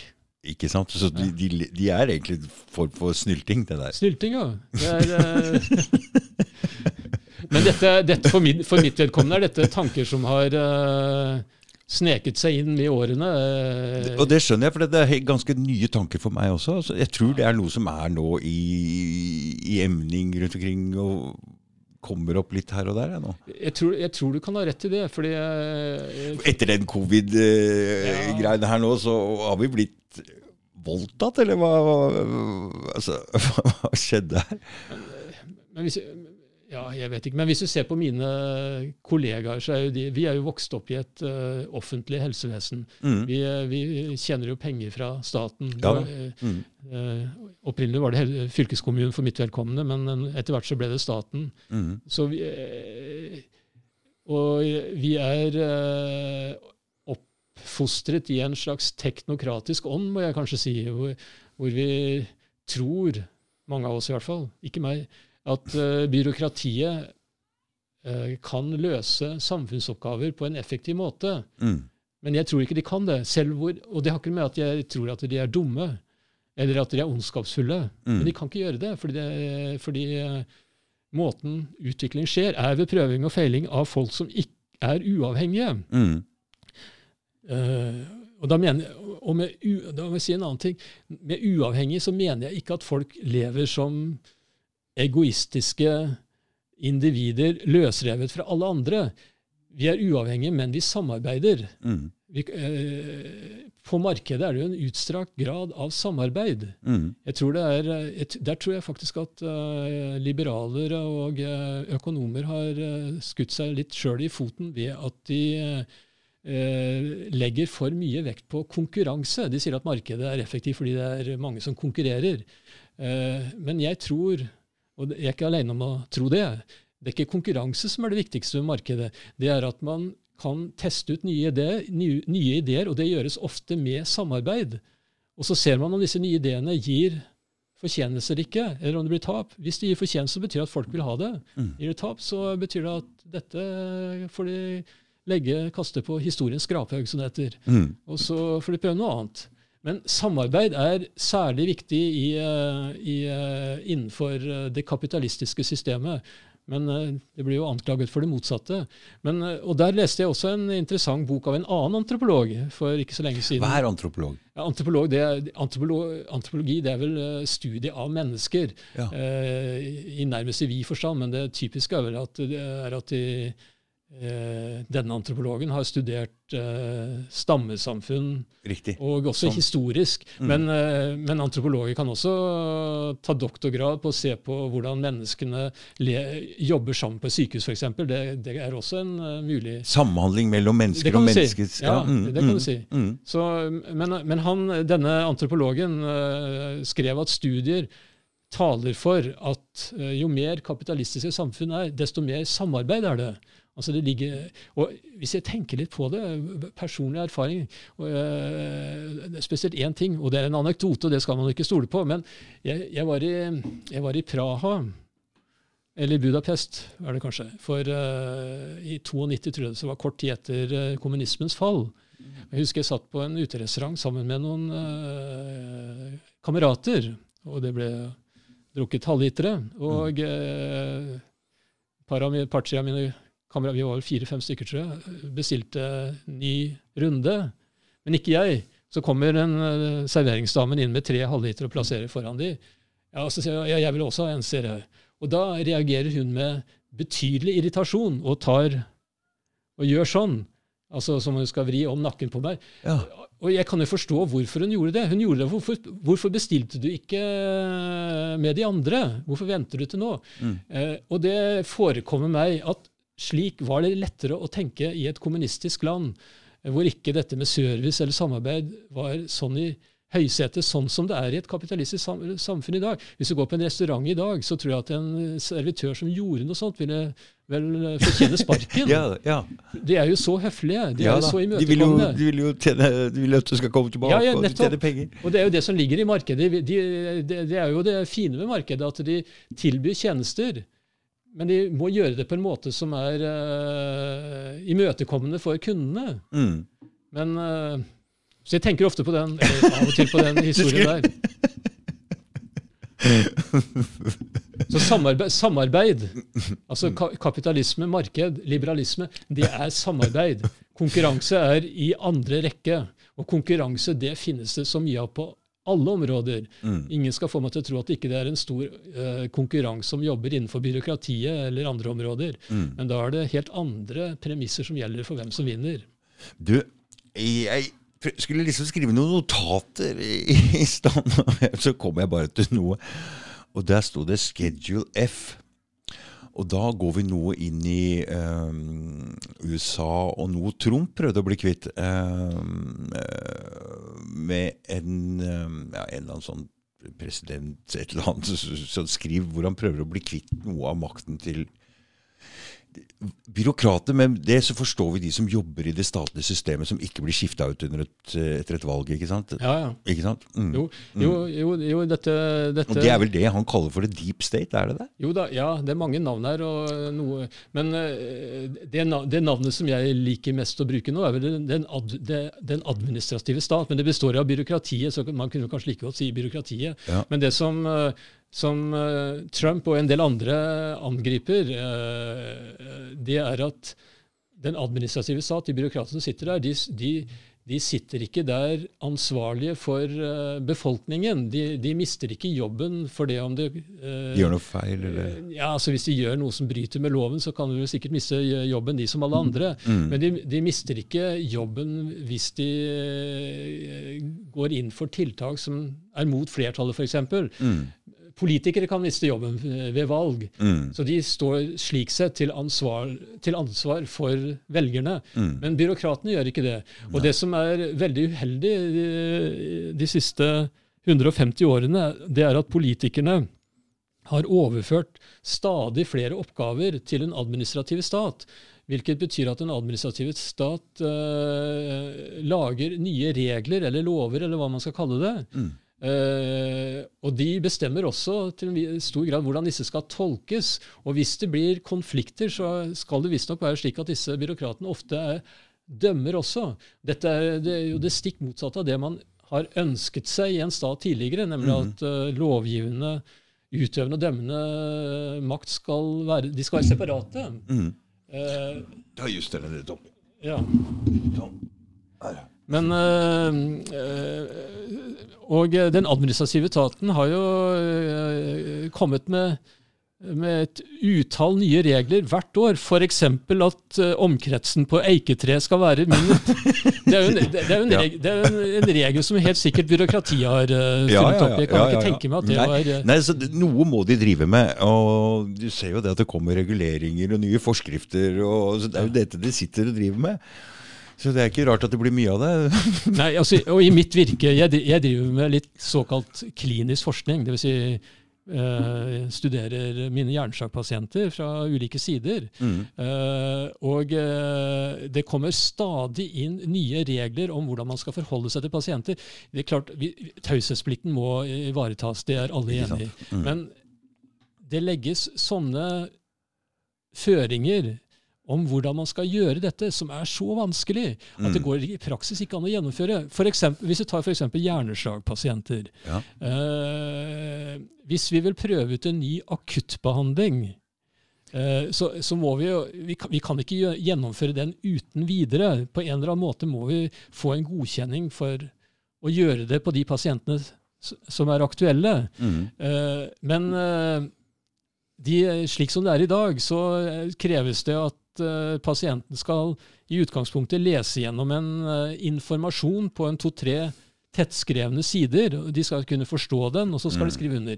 I praksis er ikke dette mulig, for det står jo om sekunder i en slik situasjon. Ikke sant? Du prater om akuttsituasjonen? akuttsituasjonen? og de Ja. kan jo ofte ikke prate. Nei. Og de kan til og med være bevisstløse. Da- Da er det viktig å ha pårørende med som kan eh, være med på dette her. Ja. Og I visse sammenhenger så kan, vi komme, så kan vi gjøre det uten at de er med heller. Vi kan komme i ettertid og be om var det greit at vi gjorde det. Mm. Eh, men eh, på, eh, på en del områder har disse reglene gjort det så vanskelig Mm. eh, at det nærmest hvis, hvis jeg skulle finne på at det kunne vært interessant å se hvordan en gruppe pasienter eh, har gjort det, som har vært innlagt de siste ti åra, Mm. så kan jeg ved å søke journalsystemet finne fram til at det kanskje la meg si at det var 500 pasienter som var innlagt de siste ti åra uh, med denne sykdommen. Så vil jeg kanskje finne ut hvordan det har gått med de. Mm. Uh, og da eh, er det jo nærmest sånn at vi må spørre på forhånd om vi får lov til å søke søke etter disse pasientene. Vi må spørre sp Det kan vi jo ikke gjøre, for vi vet jo ikke hvem det er før vi har søkt. Men Nå setter jeg litt på spissen. Men, Ja eh, men det, det er det ene. Og det andre er at eh, disse reglene blir tolket ulikt. Det irriterer meg også. Det, de, de tolkes av eh, noen på den ene måten, mens andre har en studie med andre pasienter, men som ellers er veldig lik. De får godkjenning, men jeg får ikke godkjenning. Mm. hva skal jeg gjøre da? Og da eh, håper jeg at ingen ser på dette her, men eh, Men, eh, men Det blir Vi bryter noen regler da. Eller jeg bryter noen regler. Men, det, men, det, men det, det, kan jeg leve med. mm, vi, vi har jo et lite minisamfunn på Jeg kjører søppel for Oslo kommune. Og da ser vi at vi er jo 180 stykker som gjør arbeidet, men eh, det må jo være flere tusen mann som sitter og ikke gjør så veldig mye der. Og de sitter og bestemmer og ordner og regler. Og jeg, jeg må jo si at vi vi kan jo ikke følge alle de reglene hvis vi skal få gjort unna noe arbeid. Så det at det sitter folk og bestemmer som ikke veit i hele tatt hva det handler om, og jo lenger unna de sitter, de som bestemmer, jo mindre skjønner de av hva som foregår. Og det er det som er problemet. Når færre og færre mennesker egentlig utfører et arbeid, og jo flere og flere som skal sitte og effektivisere og, og, og kontrollere og regulere, så blir det veldig vanskelig å få utført dette arbeidet da, for oss som skal gjøre noe. Ja, det, det er åpenbart at det er, så, at det er vanskelig, og at man, må, at man må bryte noen regler. Og jeg har jo mange ganger sagt at en, en dag uten at jeg bryter uh, en regel, det har vært en mislykket dag. Ja. Må, som, som lege med pasientansvar, så, så føler jeg at jeg relativt ofte ofte må bryte en eller annen regel for å få tingene til å gå rundt. Eh, Men må vi begynne helt på nytt? Må vi rive ned alt? For nå er det mange altså bare forskrifter her i HMS med der, og det er så mye av det. det sitter, hvor mange folk er det som sitter og lager nye sånt hele tida? Må være flere tusen mann. Altså, vi må jo begynne på nytt en eller annen gang. Det er for mange. Det er for mye av det. Ja, jo eh, ja, Det er altfor mange. Det er alt for mange. Nei, hvordan man skal eh, bli Vi starter på nytt, da. Ja, jo jo, men det, det hadde jo vært flott. Eh, Det må vel en, krise, en voldsom krise til for at, eh, at man skal starte på nytt igjen, dessverre. Ja. Uh, Men er vi på vei mot det nå, eller Halvard? For det nå Jeg vet ikke. Ja, ja, ja, jeg vet ikke. Det grønne skiftet. Ikke sant? Starte med korona. Det grønne skiftet lå der på forhånd, men, Ja. men det Mm. fikk eh, vann på mølla, føler jeg det, med Mm. koronaen, eh, når man så hvor lett man kunne stenge ned samfunnet med så mye mot, lite motstand. Tvert imot. Ja. Det var bejubling. eh, Ja, ja. eh, for dette her, så jeg, jeg vet ikke. For eksempel, for eksempel det å drive nye studier. Det, vi, vi driver med hjernesakstudier, Mm, behandlingsstudier, hvor vi må planlegge dette på forhånd. Mm, da må man jo søke så mange instanser, og det er så mye papirarbeid. mm. Så for mitt vedkommende så er det uaktuelt at jeg orker ikke å være med på det. Nei. Vi kunne gjort dette mye enklere eh, Mm. hvis vi slapp det, men uh, de som er litt yngre, de uh, De orker. Ja, noen av de gjør det. Mm. Men, men, et, men jeg må jo si forskning er interessant for forskningen sin del, ikke for å tilfredsstille den administrative stat. Mm. Så det, det, det orker jeg ikke, jeg orker ikke lenger. Jeg blir, jeg blir, jeg blir uh, oppgitt. Jeg kan, jeg kan eh, ta et, et eksempel som også har irritert meg. Uh, Ja, kom igjen, Halvor.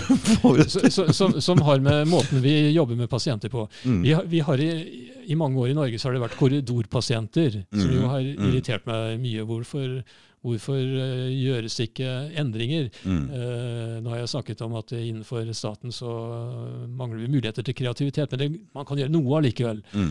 Eh, sakte, men sikkert så har det blitt eh, noe bedre der. Mm. Om det er blitt billigere, det vet jeg ikke. Det kan godt hende at det er blitt mer effektivt for meg, men til en mye høyere pris, som ikke jeg ser. Det kan, det kan godt være. Men vi hadde et system eh, da dette med korridorpasienter ble et ganske stort problem. At uh, pasienter som var oppegående, men som trengte noen tilleggsundersøkelser, som vi ville ha nå, og ikke om tre måneder, Mm. at hvis de bodde i Bergen, så sendte vi dem hjem på permisjon. Ja. Og så hadde vi det i uh, vår, uh, våre papirer. Det sto bare en P bak, så visste vi at de var hjemme. Men Mm. vi, vi hadde de foran oss. Mm. Vi visste hvem det var. Mm. Men så bestemte den administrative staten seg for at dette skulle vi ikke gjøre. fordi eh, Enten så skulle pasientene overnatte, ligge i en seng og overnatte på avdelingen, eller så skulle de skrives ut og deretter være polikliniske pasienter. Og dette, dette skapte Hva betyr det poliklinisk? Ja, altså at de, Det er de som møter opp til avtalt time. eh, Sånn, ja. Mm. Mm. Eh, dette, dette skapte så store administrative problemer for oss at vi måtte slutte med dette her. Det, Mm. Vi visste ikke hvor pasientene var. Eh, I hvert fall så så, så, så det, det jeg mener var et veldig godt system vi hadde, ble da den administrative staten stoppet. Og hvorfor stoppet de det?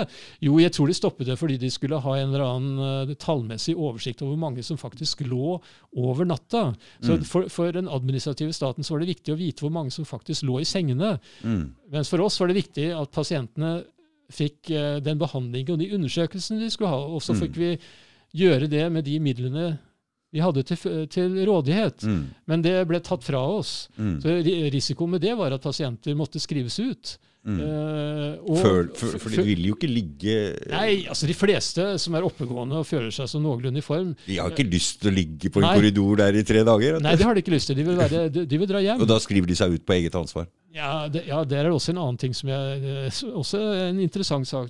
Eh, Å skrive seg ut på et eget ansvar, det, det For meg, pasienter har fri vilje, med mindre de er åpenbart psykotiske eller demente. Ja. Så har pasienter fri vilje. Mm. Uh, og hvis, hvis det er slik at en pasient ikke lenger ønsker å være på sykehus, men jeg syns godt at uh, det er gode grunner til videre undersøkelser og behandling, så Mm. er det likevel opp til pasienten å avgjøre det. Jeg må gi så god informasjon som mulig, men hvis Mm. pasienten sier nei, jeg hører hva du sier, men jeg velger allikevel å dra hjem for å passe katta eller hunden, eller hva det måtte være, Mm. så får de gjøre det. Mm. Eh, Men så er det noen, da, eh, ganske mange, som eh, ikke helt tør å slippe tak i pasienten på den måten. De må få pasienten til å skrive under på dette her. Mm. Og det, det, men, det, det gjør ikke jeg. Nei. Og det er ikke noe krav at det skal skje heller. Men eh, det sier kanskje noe om hvordan mange av oss oppfatter vårt forhold til pasienter. Mm. Eh, og da mener jeg at vi oppfatter, mange av mine kollegaer, og sykepleiere for den saks skyld, eh, ser ikke på pasientene som eh, selvstendige personer Nei. i like stor grad som jeg syns de skulle gjøre. Ja. Eh, Så når en pasient etter å ha hørt min informasjon Mm. velger å ikke følge mitt råd, ja, da er det opp til pasienten. Fordi Mm. pasient... Vi, vi, vi er jo et voksen menneske. vi er et voksen menneske, ja. Ja. Vi, vi kan ikke behandle det som et Nei, dyr nei, eller barn. eller barn. Så, og det så, det føler at staten behandler oss nå, som barn. Ja, I, i koronaepidemien Ja, har de gjort det. ja. Til de grader. Ja. Og dette er, er uforståelig for meg at ikke flere har reagert på dette. Nei, jeg tror de liker å være barn. Men, men, men, det er en, men det er en ting, så, en ting som vi ikke har snakket om her. Ja. Jeg, jeg hadde en artikkel i Bergens Tidende som vakte ganske mye oppsikt. Uh, uh, og bakgrunnen for den var at jeg i, på rundt 2000 var eh, avdelingsoverlege på medisinsk avdeling på, på Haraldsplass sykehus. det, og der hvor det var så stor uh, influensaepidemi, var det? Ja, det er Ja, det er, det er interessant. Mm. Uh, jeg, jeg var avdelingsoverlege der i to og et halvt år. Ja. Uh, før jeg fikk, grunnen til at jeg sluttet, var at jeg fikk en jobb på nevrologen. Hadde heller lyst til å jobbe videre som nevrolog, så derfor byttet jeg. Mm. Men før jul, like før jul 2000, Ja. så fra den ene dagen til den andre, så strømmet det inn med pasienter med luftveisinfeksjoner. Mm. Uh, og i løpet av kort tid, i løpet av få dager, så, og jeg hadde da det både det administrative og det medisinske ansvaret for dette her Mm. på den avdelingen. Og denne Mm. avdelingen var ganske stor. Vi hadde over, over 90 senger. Oi. Så eh, det, det, Haraldsplass sykehus på den tiden var blant de sju-åtte største medisinske avdelingene i landet. Mm. Eh, Så selv om få kjenner til Haraldsplass utenfor Bergen, kanskje, så er det et relativt stort sykehus. Mm. Uh, I løpet av kort tid så var det nokså klart at uh, dette vil ikke vi klare å håndtere Mm. Med de, den sengekapasiteten vi har. Så jeg måtte Så i løpet av noen dager var det, så var 90 senger borte ja, med en gang. altså 90 senger var til enhver tid belagt. Oh ja. så oh ja. Mm. Mm. Så, vi hadde gjennomsnitt på det tidspunktet ca. 15 innleggelser i døgnet. Det var, det var gjennomsnittet. Mm. Men det steg i, i denne perioden til ca. 25. Mm. Og dette kunne vi ikke klare. Eh, Så jeg eh, ba om møte med eh, administrerende direktør på Haraldsplass, eh, som også innkalte uh, avdelingslederen på kirurgen. Mm. Uh, For en uh, åpenbar mulig løsning her var at vi okkuperte deler av kirurgen, Mm. og, lot, og de- de måtte legge ned operasjoner som kunne utsettes. Mm. Såkalte elektive operasjoner, som ikke er øyeblikkelig hjelp-operasjoner. Mm. Eh, og så fikk vi eh, ta pasientene der og bryte oss av sykepleierne på kirurgisk avdeling Mm. og gjøre det beste ut av det. Eh, og jeg husker en ting som sykepleieren hadde store problemer med, det var å gi nok penicillin til disse, for det skulle de fleste ha. Mm. For det gis fire ganger i døgnet, tre til fire ganger i døgnet. Eh, Men heldigvis en av våre infeksjonsleger eh, foreslo at vi skulle bruke en helt annen antibiotikum som gis bare én gang i døgnet, og som han mente var like effektivt, Mm. men noe dyrere. Ikke veldig mye dyrere, men noe dyrere. Mm. Vi gjorde det, og det fungerte greit. Og vi ekspanderte utover avdelingens rammer, korridorer, etasjer. Og hadde mange pasienter på kirurgen. Og vi kontaktet legevakta og ba om at uh, de måtte være litt mer uh, kritiske Selektive, på, på, ja. selektive Mm, på hva mm, slags mm. pasienter som de la inn. Og Mm. det var det virkelig også, fordi ho hovedparten av disse pasientene som ble lagt inn da, var influensa-lungebetennelsespasienter. Mm. Og slik var det hver dag. Og jeg husker usikkerheten. Hvor lenge varer dette? Mm. Men etter tre uker varte det, og så var det helt slutt. Mm. Og så har jeg, I denne artikkelen så tok jeg, tok jeg med min eh, interesse for tall, så gjorde jeg noen eh, mer eller mindre eh, gode gjetninger på hvor stor den epidemien måtte være i Bergen på det tidspunktet. Hvor Mm. mange som faktisk hadde influensa. For Mm. det er bare en prosent eller to som ble innlagt. Mm. Så det dreide seg om at det måtte være en par-tre tusen nye tilfeller i Bergen per dag. Mm. Eller i det området som vi eh, hadde ansvar for. Eh, og så kommer Haukeland i tillegg. Mm. Og på dette tidspunktet, så, som jeg skrev den artikkelen, så var det Det var bare lokalisert til Bergen der? Eller? Ja, det, jeg Eller- vet ikke hvordan det- Det vet jeg ikke. Og grunnen til jeg, ja, ja, ja, Det er mulig at det var landsomfattende. Jeg vet ikke. Men en av grunnene til at jeg ikke kan vite det, er at denne epidemien gikk jo helt under radaren i, i, for media i Bergen. Vi Mm. ringte jo ikke til Bergens Tidende og fortalte at vi nå hadde en influensaepidemi. Vi måtte jo håndtere dette på best mulig måte. Ja. Og, og det, vi klarte det sånn noenlunde. Kom igjennom den i løpet av, av tre uker. Og dette tok dere på sparket? Ja, vi, vi hadde jo ikke noe valg. der. Nei. Uh, Istedenfor nå som du, du trodde det skulle være korona og greier, så måtte de legge ned hele sjukehuset. lå jo døde her, bare Ja. at de trodde det skulle skje noe. Så Ja. skjedde ikke noe. Nei, nei, klart, situasjonen var jo litt annerledes. For koronaen eh, var jo en, en varslet epidemi eh, på mange måter eh, fra Italia og andre steder. Mm. Men denne influensaepidemien var jo egentlig influensa kommer det hver vinter. Mm. Eh, Men det som var spesielt for denne influensaepidemien, her, var at den var så konsentrert. Den, kom i, det må ha vært veldig smittsom, i hvert fall eh, den varianten som var i Bergen. I løpet av tre uker så var det et svært antall som eh, ble smittet, Mm. Og så ga det seg. Ellers så sprer vel denne influensa seg vanligvis utover flere uker, og da blir det ikke det presset. Mm. Da blir jo kurven flatere, som det var snakk om. ja, det er flate Men, kurven. ja. men, jeg, men jeg husker at jeg, jeg, jeg, fikk jo litt interesse for uh, hva slags beredskapsplaner som fantes for influensaepidemier på forhånd. For, det, for, for kommunen, må jeg si. Hva, sykehuset vi måtte bare håndtere det etter beste skjønn, og Mm. det følte jeg at vi klarte ganske bra. Men eh, jeg mener, dette er jeg litt usikker på, men jeg mener at jeg leste at det fantes planer for å bruke hoteller, f.eks. Uh, og det syns jeg i ettertid nå må ha vært en god idé. fordi F.eks. i koronaepidemien, hvis det var slik at det ville bli så mange innleggelser som noen trodde det skulle bli, Mm. og sykehus, uh, sykehusene ikke hadde plass, Ja. så, så vet vi jo at uh, folk vil jo, ikke, folk ville være redde. Mm. Uavhengig av hva myndighetene sier og stenger ned, Mm. så ville myndighetene være redde. Eller befolkningen være redd, og antagelig reise mye mindre. Mm. At man kunne inngå eh, avtaler med eh, hoteller og benytte seg av de, Mm. tror jeg ville være mulig. Og at fagpersoner kunne da gå der. Det ville jo ikke være en optimal eh, behandling og utredning sånn som det er på sykehus. Men man må gjøre det beste ut av den situasjonen man er i. Mm. Men uh, slik tenkte åpenbart ikke myndighetene denne gangen, da. Men uh, denne, denne, denne artikkelen eh, skrev, skrev den bare en, en kveld eh, og sendte den til eh, Bergens Tidende. Og, og har noen ytterst få ganger sendt noen uh, saker til Bergens Tidende som aldri blir tatt inn, så jeg hadde ikke noe spesiell tro på denne heller. Nei, Men men når, denne, når sendte hun denne? Det var i november 2020. Mm. Men uh, de svarte at de, at de gjerne ville ta inn det, men de ville bare kontrollsjekke den. Der er Bergens Tidende kanskje litt bedre enn mange aviser, tror jeg. Ved at de, de trykker ikke eh, meninger utenfra uten at de har sjekket uh, i hvert fall noenlunde at det ikke er helt misvisende det som står der. Mm. Uh, jeg hadde underskrevet med uh, tittel 'Tidligere avdelingsoverlege på Haraldsplass sykehus'. Mm. Men så var det journalisten skrev i en e-post at det høres ut som du er pensjonist. Kan du ikke skrive at du er ansatt på Haukeland? Mm. Tenkte jeg, var litt i stuss på det, men uh, tenkte hvis det er det som skal til for å få denne i avisen, så får det gå. Mm. Men det ble det jo styr av etterpå. Da Da ble jeg jo kalt inn på direktør. ja, det stemmer det. Da, øh, ja, da Det stemmer det.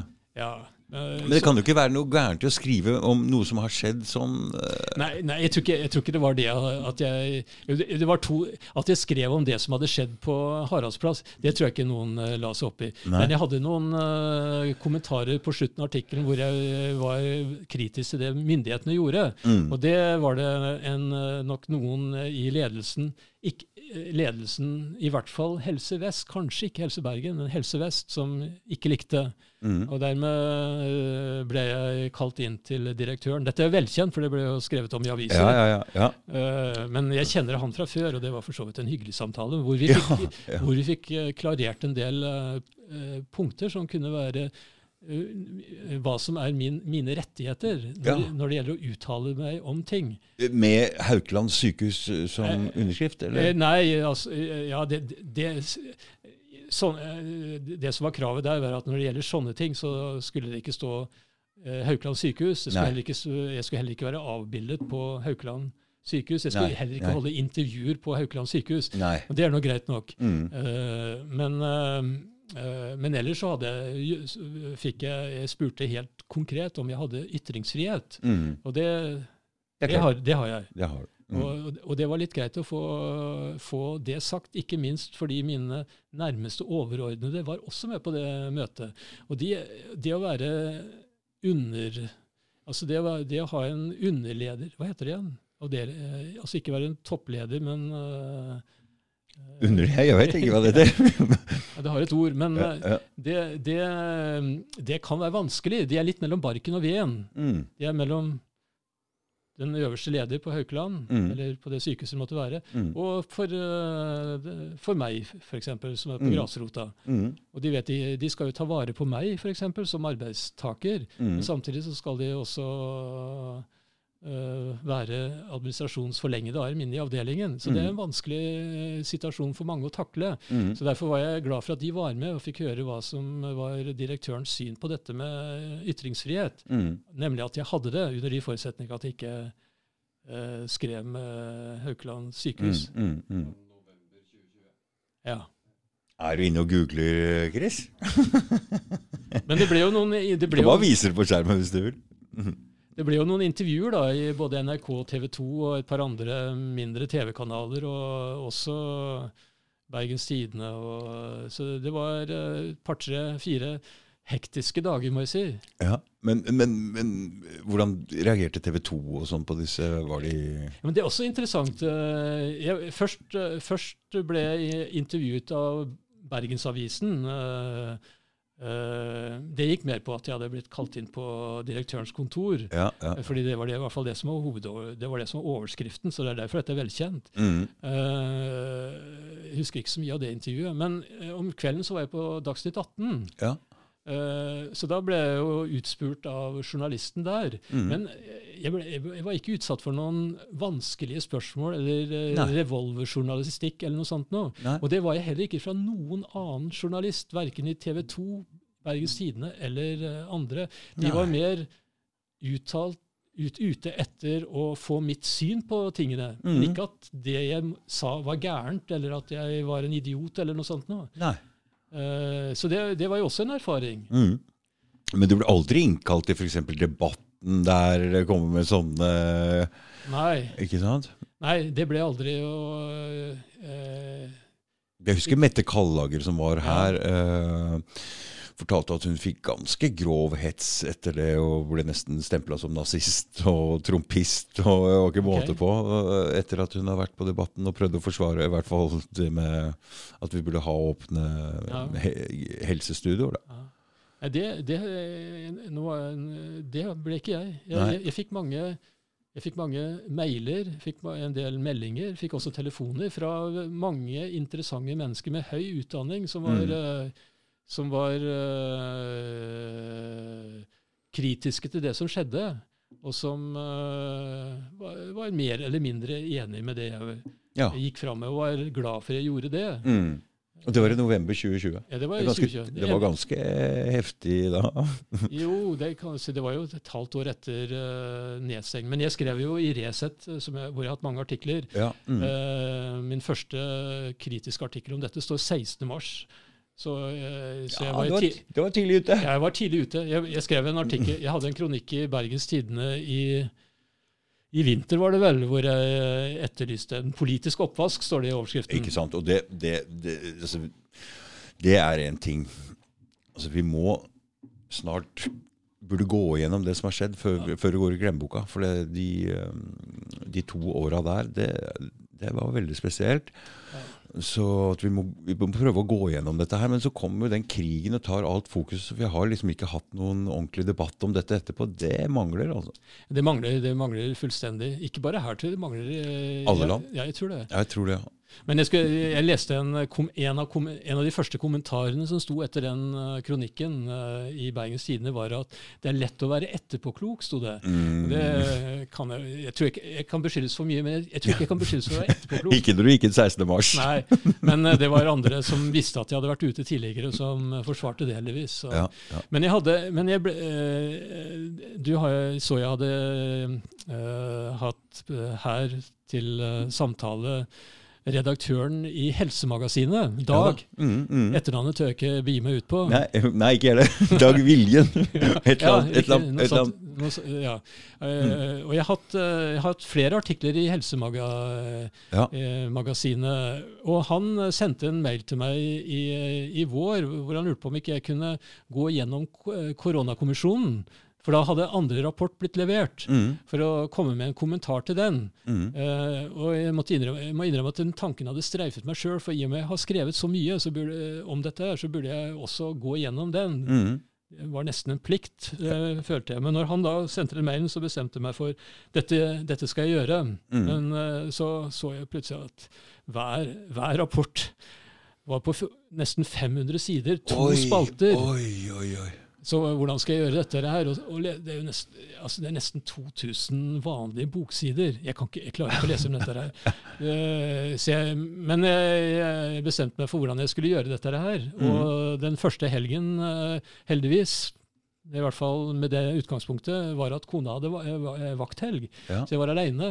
Mm. Så jeg satte meg ned på fredagen og, eh, og leste igjen, altså skummet igjennom. Ja. Og, og en del av disse kapitlene var ikke så interessante. Så, Nei, så man kan gjøre skumme og så bare dra ut det viktigste. Så, så man- tok jeg og kopierte de avsnittene som jeg fant var interessante. Ja. Og så Det hadde gjort det, og det tok ikke så veldig lang tid. Jeg tror Nei. jeg faktisk gjorde mesteparten på den fredagskvelden. Ja. Oi, ja. Og så eh, satte jeg meg ned dagen etter og begynte å skrive om dette her. Og, det, og jeg må si den kommisjonen er, er ganske interessant, fordi eh, det, de har gjort et grundig arbeid. ja. Eh, og jeg, Når ble denne ja, rapporten? Den første rapporten kom vel i fjor en gang, men denne siste kom, kom i april-mai, tror jeg. Oh, ja. Men det er særlig første rapporten som er interessant. Mm. Men eh, de har gjort et godt arbeid. Eh, de er jo utpekt av myndigheten for å så gi, vurdere det som regjeringen, direktoratet, har gjort. ja. Så man kan jo ikke forvente at de skal gå ut med den altfor harde kritikken. Nei. Men, og konklusjonen er eh, at, eh, Det var bra. at det var bra. Men når man leser rapporten, så er det veldig mye de setter en eh, finger på, og som Ja. de er kritiske til. Mm. Og ikke bare det, det er en del ting de eh, skriver om, men uten å kommentere det, uten også vurdere det. F.eks. dette med at eh, man hadde de gamle retningslinjene om hvordan man skulle håndtere pandemier Mm. før mars 2020, som ble snudd 180 grader. hvor kom de fra, den nye? Ja, dette skriver de en del om. Mm. Eh, og eh, de har ingen eh, forklaring på hvorfor det skjedde, men det skjedde. Men det er ganske interessant at de skriver ganske mye om at dette faktisk var en helomvending fra det som eh, var eh, retningslinjene på forhånd. Mm. Og så kan man lure på hvorfor gjorde de det?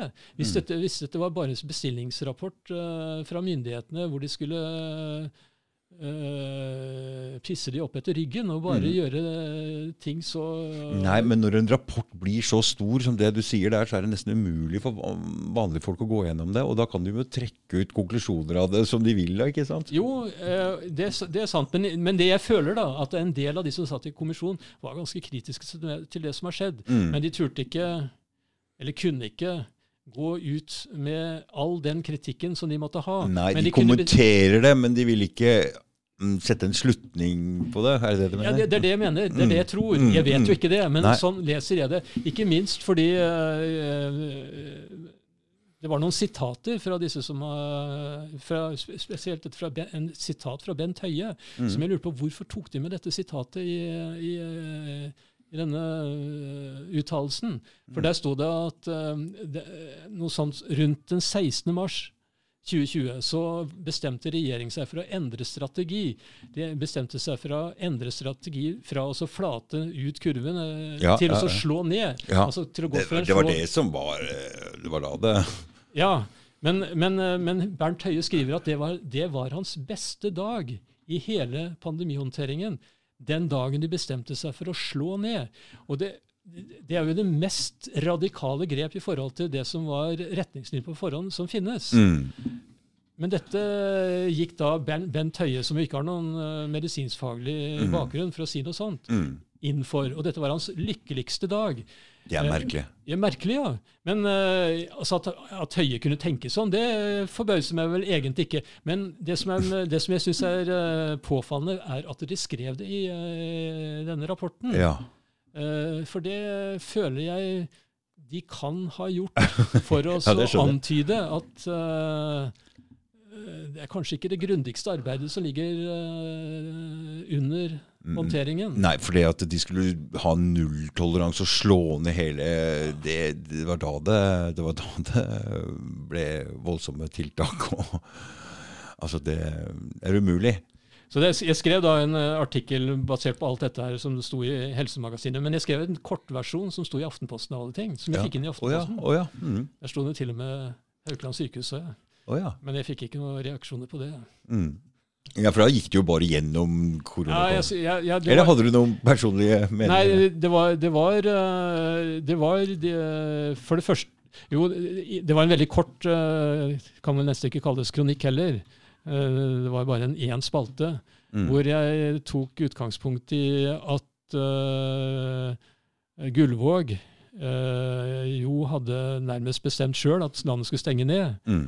Uh, og at dette var en eh, 180 graders eh, dreining. Gullvåg har jeg forresten studert sammen med. Så, oh ja, du kjenner han? ja, i hvert fall, Han var ikke en av mine nærmeste studievenner, men vi gikk på samme kull. Mm. Jeg har jo truffet ham en del ganger seinere. Ikke, ikke nå i pandemitiden, men tidligere. Så jeg har jo hatt noe med han å gjøre, i ettertid også. Men, eh, men det var det ene som jo på mange måter var hårreisende. At eh, en helsedirektør skal bestemme dette, og ikke regjeringen. Mm. Det andre var eh, Bernt Høies lykkelige, lykkeligste dag. Lykkeligste dag. Og så var det Mælands manglende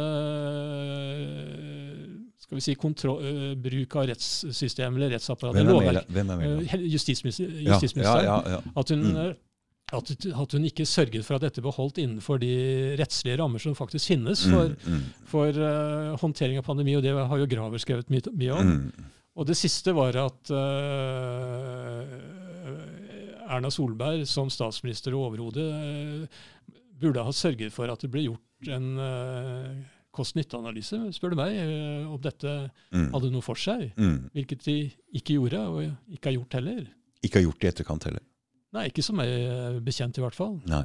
Det er andre som har gjort det, altså ikke-statlige eh, instanser eller forskere som har gjort en del studier i, i ulike land, og, I ulike at, land, ja. Ja. Mm. og som ser at dette har vært eh, veldig dyrt. Men Mm. Det ble jo ikke gjort noen vurdering av dette på forhånd. Og det kan ikke, og, en ting Dette jeg- må gjøres. Dette må gjøres. Ja, og det må ja, det, Altså, Vi må gå gjennom dette her. Vi må få en eller annen uh, closure på dette. Ja, og da må, det, da må det inn økonomer her også. ikke bare, altså Leger kan jo ikke dette. her. Leger er jo ikke Nei opplært i Nei. økonomisk uh, tenkning noe mer enn folk flest. Mm. Eh, hvilket bringer meg litt inn, inn på et litt annet område som jeg snakket med en kamerat tidligere i dag. Eh, og det går på dette med at eh, når det gjelder pandemien f.eks., Mm. så, så kan en lege eller en eh, virolog som er ekspert på virus eller en infeksjonsmedisiner, kan uttale seg om eh, hvordan denne epidemien kanskje kan tenkes å utvikle seg, og kan ha meninger om hva man skal gjøre. Eh, men en lege, en virolog, en infeksjonsmedisiner kan ha eh, gode vitenskapelige data å bygge på, og teorier å bygge på. eh, og, for, og fortelle hva som kan skje, eller hva som skjer. Men derifra til hva man faktisk skal gjøre, det er noe helt annet. Og det kan ikke en eh, infeksjonsmedisiner eller virolog eller lege noe mer enn en annen gjøre. Og det samme er tilfellet når det gjelder klima. Altså En klimaekspert kan fortelle om at hvis CO2-nivået stiger til det doble, så vil eh, jordklodens temperatur gjennomsnitt øke så og så mye, og det kan føre til flere orkaner eller flere hetebølger. Jeg vet ikke hva. Det kan en klimaforsker kanskje med varierende grad av sikkerhet eh, med sine teorier og sine datamodeller si noe om. Mm. Men hva man så skal gjøre, det er et politisk spørsmål som en, en klimaekspert ikke er noe mer kompetent til enn noen annen. Mm. Da må, man, eh, da må man se på hva vil dette føre til av konsekvenser for landet, for befolkningen. Ikke sant? Men eh, media, folket, tillegger tilsynelatende klimaeksperter eller leger Mm. mye større betydning i disse sakene enn det de fortjener, eller har kompetanse til, Mm. er mitt syn. Ja, det er helt enig. Det må, svært, det må mange inn i en sånn debatt for å analysere og se hva det koster, og hva, hva det eventuelt innebærer. Vit, det blir sagt at man skal følge vitenskapen, men, Ja. men, men vitenskapen er for det første ikke Vitenskap det er å stille spørsmål, Mm. utfordre. være kritisk til de teoriene som noen kommer ut med. Det er ikke konsensus, det er ikke enighet. Men det er ikke sånn at uh, når det gjelder korona eller uh, klima, at, uh, at, vitenskapen, eller vitenskapsmennene snakker med én tunge. Det er ulike syn på dette her. Mm. Men media, politikere, journalister, de presenterer dette som om vitenskapen snakker med én tunge. Mm. At det er bare én måte å forholde seg til dette. Det er én løsning. Mm. Men det er det ikke. De kan, de kan de kan forklare eller si noe med en eller annen grad av sannsynlighet eller spekulasjon. Hva man skal gjøre med det, ja, det er et helt annet spørsmål. Mm. Men det føler jeg kommer altfor dårlig fram. Og særlig, særlig, i klimadebatten, fordi der blir så mange eksperter som kan ganske mye. Mm, de blir jo, de blir jo Uh, ja, de, blir, de, blir, de, får ikke lov å si noe. Nei. Jeg har hatt en her inne, skjønner du, en professor. og jeg, Etter at han har sittet her i tre timer, så bare Ja, jeg, jeg, jeg gir meg. Ja. Jeg er ikke i tvil om at du har rett når det gjelder det der. Så, men det er som du sier, den debatten den vil de ikke ha noe av. De vil ikke snakke om den. Den er ferdig. Det er ferdig diskutert. Ja, Og hvorfor er den det? Jeg vet ikke. Det kan vi spekulere i.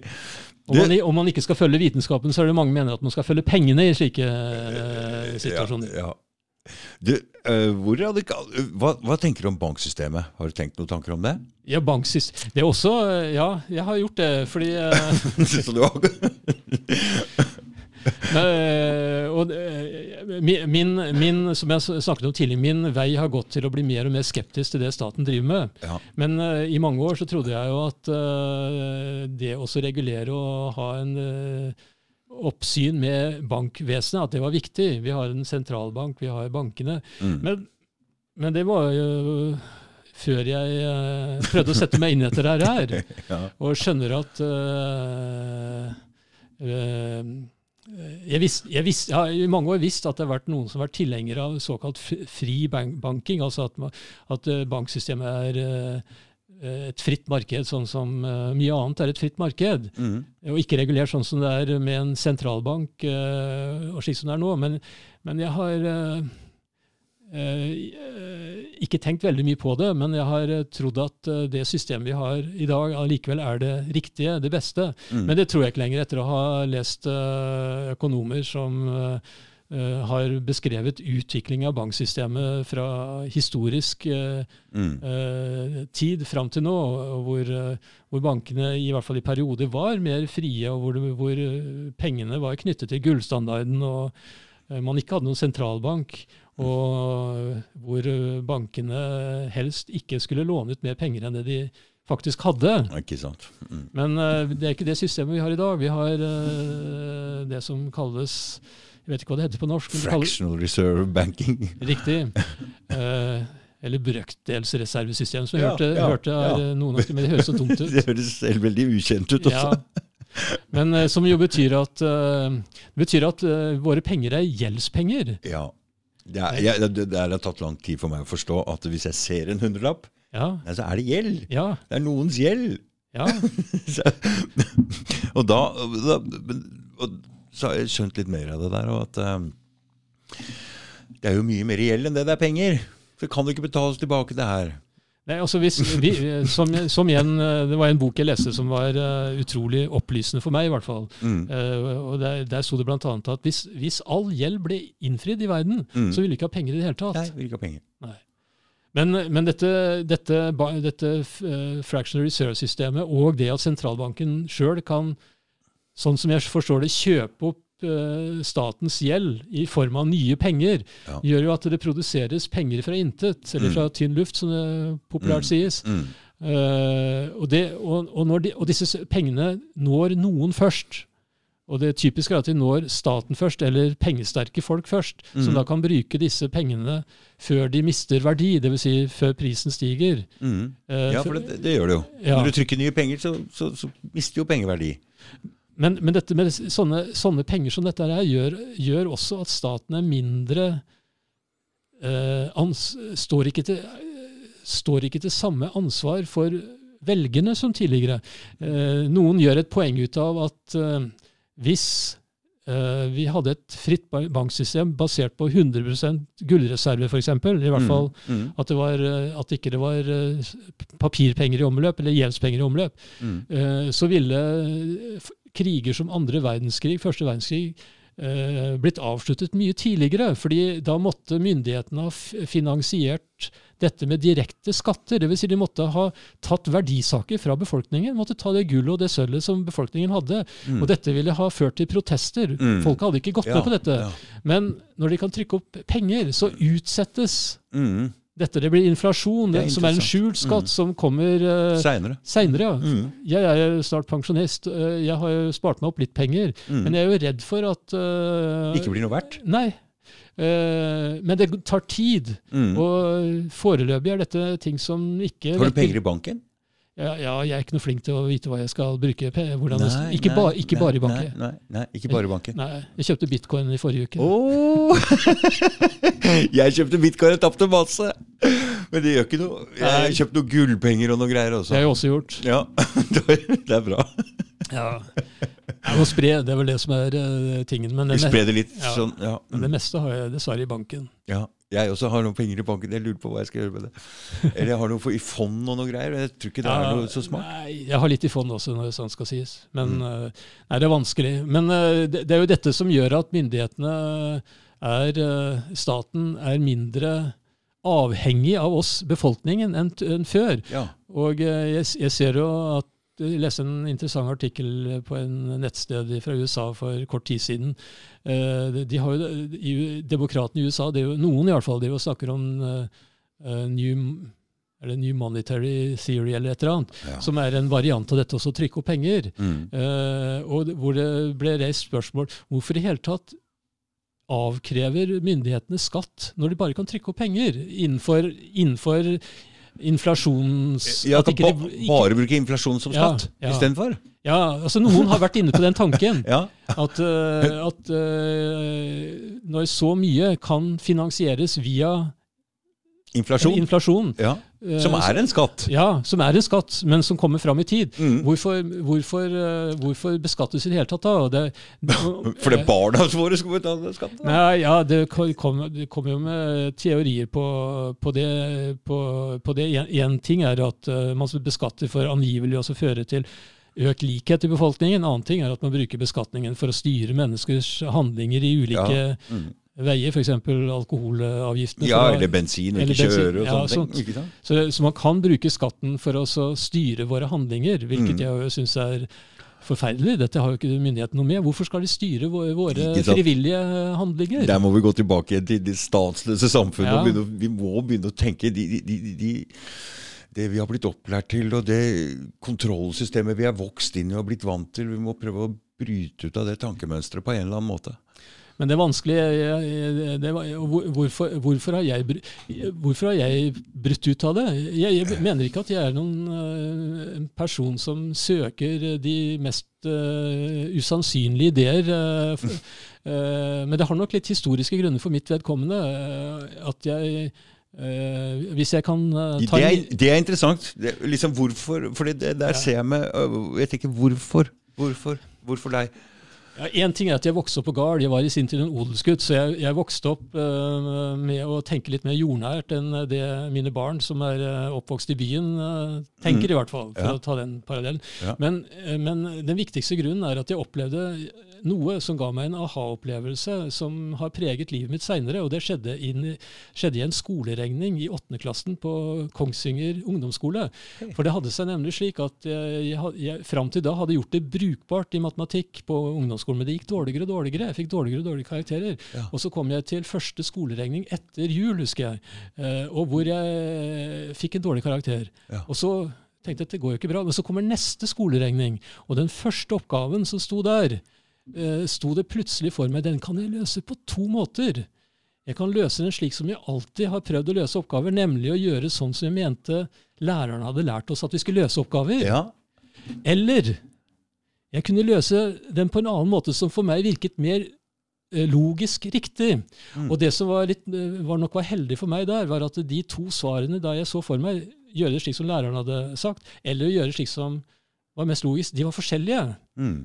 Sikkert fordi at jeg ikke husker hvordan læreren hadde bedt meg Ja, ja, ja. eh, eller, eller undervist. Det var ikke Mm. læreren sin skyld. Mm. Men det var i hvert fall to, for meg, forskjellige måter å løse oppgavene på, de matematiske oppgavene på. Og så valgte jeg i den skoleregningen å bruke logikk Mm. på alle oppgavene. Mm. Alt rett. Alt rett. Men da skal jeg, si, jeg skal si hva som skjer her nå, Halvor. For det, du, når du gjør det der, så får du en tro på deg sjøl. Nettopp. Ikke sant? Ja. Og det er det vi trenger nå. Vi trenger å tro på oss sjøl og ha en slags sånn selvtro. For det, vi må ikke høre på alle andre. og Derfor så tør vi å stå litt Ja, det, det og ha egne riktig. meninger. Ja, men det er riktig, fordi jeg husker jo når vi hadde gått ifra skoleregninger tidligere og sammenlignet prøvesvar, Mm. og jeg så at jeg hadde fått et annet svar enn eh, en kamerat. Mm. Ja, kanskje han hadde gjort riktig, og jeg feil. Jeg var usikker. Dette var jo kjedelig. Mm. Men fra da av, Mm. hvis jeg sammenlignet mine resultater med ja, kameraten, Ja. og han hadde et annet resultat, Ja, så tenkte jeg 'too bad for you'. Du har feil. Og, så- det, og det, jeg vet hva, jeg kjenner igjen det der litt med meg sjøl. For jeg har alltid tenkt at hvis jeg går bort til en haug med folk og spør hvor ligger det der, og alle peker den veien, så tenker jeg takk skal du ha, og så går jeg andre veien. Fordi andre folk går ikke an å høre på, altså. Nei. Men jeg, men jeg fikk, ja, nei, jeg er enig, men jeg fikk jo da en eh, selvtillit som jeg egentlig ikke har av natur, det tror jeg ikke, men, men jeg fikk en selvtillit på dette området i hvert fall. Mm. Jeg kan ikke påberope meg en så veldig stor selvtillit på mange andre områder, men, men, da, men der ble jeg veldig trygg på meg sjøl. Mm. Og, og det gikk bra resten av eh, ungdomsskolen og gymnaset. Jeg Mm. hadde gode nok karakterer til å komme på medisin. Så, eh, og det eh, tror jeg da skyldtes at jeg hadde valgt å følge logikken. Mm. Eh, Men så, eh, men så men grunnen til at jeg begynte å interessere meg for mye ting, det var at jeg så jo også at eh, selv med den logiske tenkningen, så var det ikke alltid jeg klarte å løse oppgaver like raskt. Nei. Eh, så, og det forekom meg at noen var bedre enn meg. Mm. Eh, så jeg tenkte det må jo finnes noen metoder som ikke jeg kan, som jeg må lære. Og så begynte jeg å lese. Mm. Nå Mm. vet jeg, det finnes ikke det, men, oh, ja. men noen er mer fantasifulle enn andre og er raskere til å så gjette seg til uh, til en eh, god løsning. Men så, men, så kom, men så eh, studerte jeg først litt matematikk og fysikk, eh, men av grunner som jeg ikke behøver å snakke om her, så eh, bestemte jeg meg for ikke fortsette den veien, men hoppe over på medisin. Mm. Eh, Men medisin er jo ikke matematikk, det er ikke logikk på den måten, selv om man skal tenke fornuftig. Mm. Eh, og jeg husker da jeg begynte å jobbe som lege, og hva slags behandling skal man gjøre? gjøre? Det er vanskelig å tolke symptomene til pasientene. Mm. Eh, Men her kommer det menneskelige ja, inn i, det er i riktig. bildet. Og da, da, ble da ble jeg usikker igjen. Mm. Uh, Men så har du valgt å stole mer på pasienten, du. jo, det, det, ja, når det gjelder å ta valg og sånn, så gjør jeg Ja, det. ja. det. Det er riktig. Og det har noe med tillit og jo da, det kan du si. Mm. Eh, Eller respekt for mennesker, vil jeg si. Ja. Respekt for andre mennesker. Men, men det, dette har jo noe med Man kjenner jo igjen seg sjøl. Man kan jo bare forstå andre via seg sjøl, på en måte. Så, så ved å ha tillit til seg sjøl, Jo. så kan man gi den til andre òg. Jo da, men jeg, jeg syns dette med å ha respekt for andre mennesker, at de er, de er mennesker sånn som meg. Mm. De har også rett til egen vilje. De har rett til å bestemme. Det, du, du, for å være helt ærlig så har det vært et problem i legestanden lenge. Det har blitt mye, mye bedre nå. Men jeg følte nesten at hvis jeg kom inn til en lege før, så sa han du må ikke komme her og komme her og fortelle meg om, om deg sjøl. Altså, jeg følte litt sånn, altså. Jo, jo da, det har, det, det har nok skjedd en eh, Akkurat sånn sett har det skjedd en bedring. Det. Men, men, men det har også skjedd en eh, forverring i den forstand at, eh, at legene i gamle dager var nok, stolte nok litt mer på sine egne faglige ferdigheter. Men nå er de Mm. Redde for å gjøre feil. Fordi du blir styrt sånn ovenifra Ja. administrativt. Ja, det er Så, så det. Mm. akkurat denne mellommenneskelige eh, siden som du eh, opplever, har nok blitt bedre. Mm. Det er ikke så mange Men så er de mer eh, Det er ikke så mange psykopater. Selv om det finnes noen fortsatt.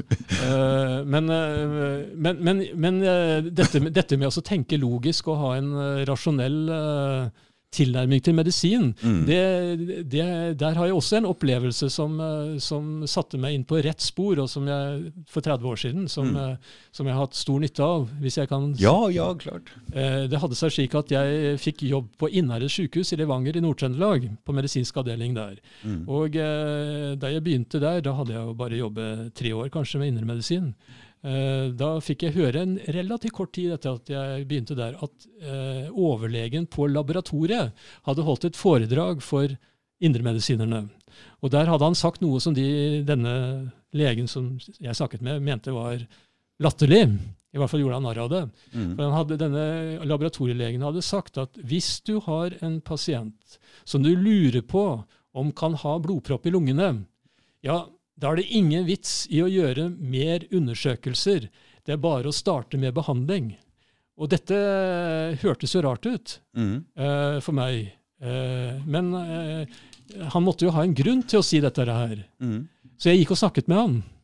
Og det fortalte han meg hvor, hva som var begrunnelsen for dette. Og, og det var en, eh, en logisk tilnærming til eh, tester, testresultat, hvordan vurdere testresultat, og en kost-nytte-vurdering av behandling mot bivirkninger osv. Mm. Eh, som jeg, i hvert fall den eh, måten også vurdere diagnosesikkerheten, sannsynligheten, opp mot testresultat, Mm. hadde jeg aldri vært borti før. Fordi han eh, Det hadde nok stått i lærebøker, men det var bare gått over i, i, i hastighet som ikke satte s- spor i meg, i hvert fall. Mm. Men uh, tanken er bayesiansk, for den som måtte vite hva bayesiansk statistikk er. Men det, det går ut på at man uh, har en pasient Mm. som kanskje har litt vondt i brystet, og så tenker jeg kan det være blodpropp i lungene. Ja, jeg tipper at sannsynligheten for det er kanskje 5% Det er mange andre grunner til å ha vondt i brystet, men det er kanskje 5% sannsynlighet for at det er blodpropp i lungene. Så vet jeg at det finnes tester for å komme nærmere svaret. Og det er slik at alle tester, og dette har vært litt inne i koronasituasjoner eller disse testene, Mm. hver, enhver, nesten alle tester i medisinsk sammenheng har en såkalt spesifisitet og sensitivitet, som sier noe om hvor gode disse testene er. Mhm.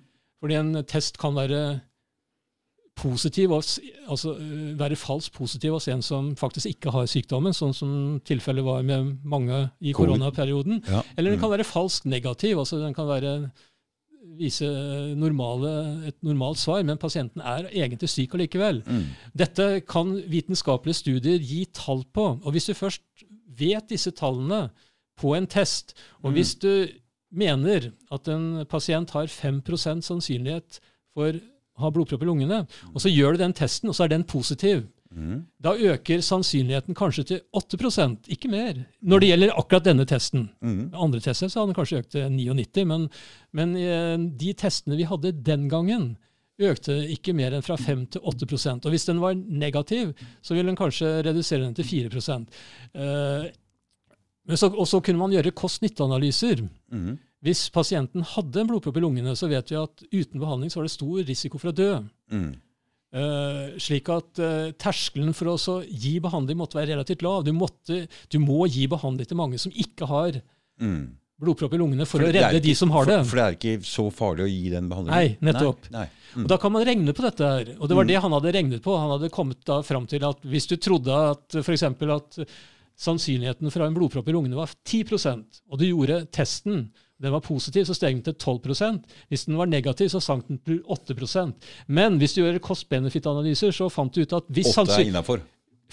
så var åtte innafor, Mm. da var det ingen vits å gjøre testen. Nei. Og dette hadde jeg aldri, en slik tanke hadde jeg aldri Mm, hørt før. mm. Og den gjorde at jeg plutselig kunne leve med medisinen på en med, min, med den usikkerheten som alltid er i medisin, på en logisk, rasjonell måte. Mm. Så dette Jeg gjør jo ikke sånne tankeanalyser eh, på hver enkelt pasient. Men bare å ha tenkt gjennom dette var eh, viktig for meg. Mm. Men Hva kom det at du, du tok kontakt med denne Det må ha vært noe som fikk deg til å ta kontakt med denne Litt nysgjerrighet, men det har kanskje litt med at eh, jeg følte at jeg fram til da ikke hadde den rasjonelle Skal vi si Metoden inne for å gjøre det jeg følte var de beste vurderingene når det gjelder behandling og utredning. Men Mm. det følte jeg fikk etterpå. Mm. Og dette har jeg jo fortalt til mange leger etterpå, men Mm. de, de bryr seg ikke. Nei. Man skulle, man skulle kanskje tro at Men jeg man må være nysgjerrig og åpen for alle ting, tror jeg. Hvis man skal... skal bryr seg ikke, det er kanskje feil å si det. Men, men den boka som, jeg, som han anbefalte meg, var uhyre god. Så jeg kan ikke få anbefalt den boka godt nok.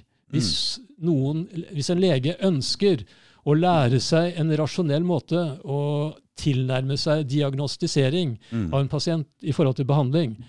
Uh, men jeg fortalte om dette til mange som jeg trodde kanskje ville ha en viss interesse av det. Og det er mulig én som ba om å få navnet på forfatteren og boka, men jeg tviler på at vedkommende kjøpte boka. Mm. Så eh, der er jeg nok litt annerledes enn andre. Om det har med min opplevelse fra matematikkprøven på ungdomsskolen, det vet jeg ikke, men eh, kanskje. Mm. Det er interessant at man følger opp, men, men, men jeg sånn altså jeg, jo, jeg stopper filmer og googler og er nysgjerrig og vil vite og sånn, jeg også. Så det er noen som har en sånn driv mot og, og Jeg vet ikke. Jo, jo, jo, jeg, jo da. Jeg, jeg har vel, eh, jeg, har vel jeg, kjøpte min første stjernekikkert lenge før, uh, før uh, matematikkprøven i åttende klassen, så jeg har vel hatt eh, eh, en interesse for det. Men barn har jo det. Har de eh, Barn har en nysgjerrighet og en åpenhet og en Men det som er med skolesystemet, er at dette knekker deg jo. Du presser på deg ting du ikke vil lære, og folk får en aversjon. Det har jeg sett. eh. Jeg prater med folk som liksom Å, lære noe! De, det er akkurat som de har blitt litt ødelagt av, av å bli presset på ting de ikke vil lære, og de har en negativ holdning til det. Ja. Jeg var vel, eh, Sånn sett så var jeg vel antagelig kanskje en mønsterelev for eh, lærerne, for jeg var, var aldri i opposisjon til, eh, til eh, lærerne, og jeg gjorde lekser. Mm. Eh, Jeg husker rikt- Riktignok på gymnaset husker jeg at eh, han, han jeg hadde i matematikk de siste to åra, matematikk og fysikk de siste to åra, han fortalte hvor lang tid han brukte på lekser hver dag og han, da han gikk på gymnaset. Han brukte en time, sa han. Mm. Og i første gym så hadde jeg brukt en del mer enn én time. Mm. Da tenkte jeg ah, da skal jeg klare meg bare med én time også. ja. Så jeg, jeg brukte ikke mer. Nei. Eh, Men det gikk like, det, gikk- jeg fikk jo enda mer, bedre karakter i andre og tredje gym enn jeg fikk i første gym. Men, oh, ja. Men da ble det jo litt vanskelig. Jeg tok fysikk og matte som hovedfag sjøl. Det var ikke så bra. Jeg gjorde ingen lekser. Nei men, jeg, nei, men jeg har jo sett det at jeg hadde klassekamerater på gymnaset som, eh, som seinere har gjort bra i matte og fysikk, men eh, som jo vel eh, løste oppgavene på sykkelstyret på vei til skolen. eh, Ja. Mm. Og det var det Ja. den gangen. ja. Hvor lenge har vi prata, Chris? Ja, det er ok. Det var veldig Spesielt de siste som vi fikk vite litt sånn hvorfor du De to skal vi si, skjebnetingene Ja. der som liksom har shapa deg litt. Grann. Det var viktig for meg, i hvert fall. Jeg, jeg føler eh, Ja, jeg har, jo snak, jeg har jo fortalt om dette til mange. Mm. eh, men særlig denne i åttende klassen var eh, Det, det tror jeg skjønner jeg. Ja. Men du, vet du hva? Det var noen jeg prater med. Jeg har jo en del sånne vaksinemotstandere som, Ja. ve- som venner. ja, Og de spør spør han Halvor Næss om han tok vaksiner. ja, det gjorde jeg. Det gjorde du. Ja. Og det jeg, kan- jeg, kan jo, jeg kan jo si eh, Det var flere grunner til det. mm, Eh, for det første så hadde jeg jo tro på at det virket. Det, må jeg si. Jeg, jeg, jeg har jo jobbet i helsevesenet i mange år, og eh, har jo kanskje feilaktig hatt for stor tiltro på mange av de studiene som vi bygger vår behandling på, men, eh, men den ble jo gjennomført, forsto jeg, på en slik måte som eh, som eh, nye behandlinger skal studeres. Mm. Og når eksperter vurderte resultatet og kom fram til det de gjorde, så, så stolte jeg på det. Når det gjelder langtidsbivirkninger, så kunne jeg ikke uttale meg om det, for det var jo for korte studier til det. mm, Men det er jo for så vidt tilfellet med nesten alle nye medisiner. De testes ut i noen måneder, ett år, to år, tre år. Vi vet Mm. ikke hva som skjer seinere for nesten noen nei. Annet enn det man etter hvert får kjennskap til. Så, eh, så jeg var villig til å ta den sjansen. Punkt to var at på, jeg jobber på sykehus, og eh, Kravet der er vel det var, Jeg tror ikke det var krav at vi at, eh, i, På Haukeland så var det nok ikke krav at vi skulle ta vaksine. Jeg hørte aldri om det. Det. Sånn har det vært mange steder i, i verden, skjønner jeg, at på sykehus og andre steder at man Ja var nødt til å ta vaksinen. Mm. Men det var ikke noe krav om det. Men jeg følte at det ikke ville opp... Jeg hadde jo for så vidt opponert nok. eh, Ja, ja, ja. eh. Og jeg syns det absolutt aller verste med koronapandemien er ikke vaksinene, men det er eh, nedstengningen og Mm. frihetsberøvelsen som de Mm, gjorde. mm, mm. Men, eh, så jeg, valg, jeg, valgte å ikke være i opposisjon der. Og så er det en tredje personlig grunn, og det har med at eh, jeg har to døtre som bor i Danmark. Jeg har barnebarn i Danmark. Mm, mm. Familie betyr mye. Og jeg, og jeg, både av hensyn til å besøke min familie og av hensyn til kona. Mm. Jeg kunne ikke la være å ta vaksinen og, og, og, bli igjen hjemme. Jeg kunne ikke det. Nei. Så, jeg, så, så, derfor gjorde det. Men jeg må si jeg er overrasket over det som har skjedd seinere. Mm. Eh, over at, uh, at uh, resultatene av disse vaksinene er så dårlige som de er, ja, i forhold til det vi ble fortalt. Det er det. Og at det er jeg får si skal være mye bivirkninger. Jeg er litt, uh, jeg er litt usikker selv, men jeg hører ja. noen her og der. Men det er klart at med så mange vaksinedoser delt ut, så er det nødt til å bli bivirkninger. Ja, det, det er det. Men det som gjør, det som, det som gjør meg av personlige grunner litt ekstra usikker når det gjelder disse vaksinebivirkningene, er at en del av disse eh, bivirkningene er nevrologiske. Ja. Og hva har vi sett på nevrologisk avdeling på Haukeland av nevrologiske sykdommer som kunne tenkes å skyldes uh, vaksine? Mm. Ikke mange. Tror, det har ikke vært sånn at, uh, at avdelingen er blitt overrent av uh, av pasienter med Guillain-Barré, som er en, eh, en, slags allergisk reaksjon på, på, på vaksiner. Mm. Eh, det er mulig at vi har hatt eh, to eller tre. Det er ikke de jeg driver mest med sjøl, så det kan jeg ikke svare på. Men det har ikke vært slik at uh, ukentlig så har vi hatt Guillain-Barré-pasienter.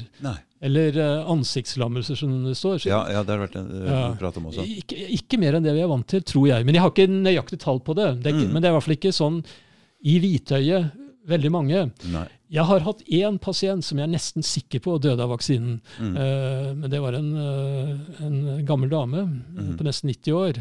Men uh, den, den, hun hadde tatt vaksinen to uker i forveien.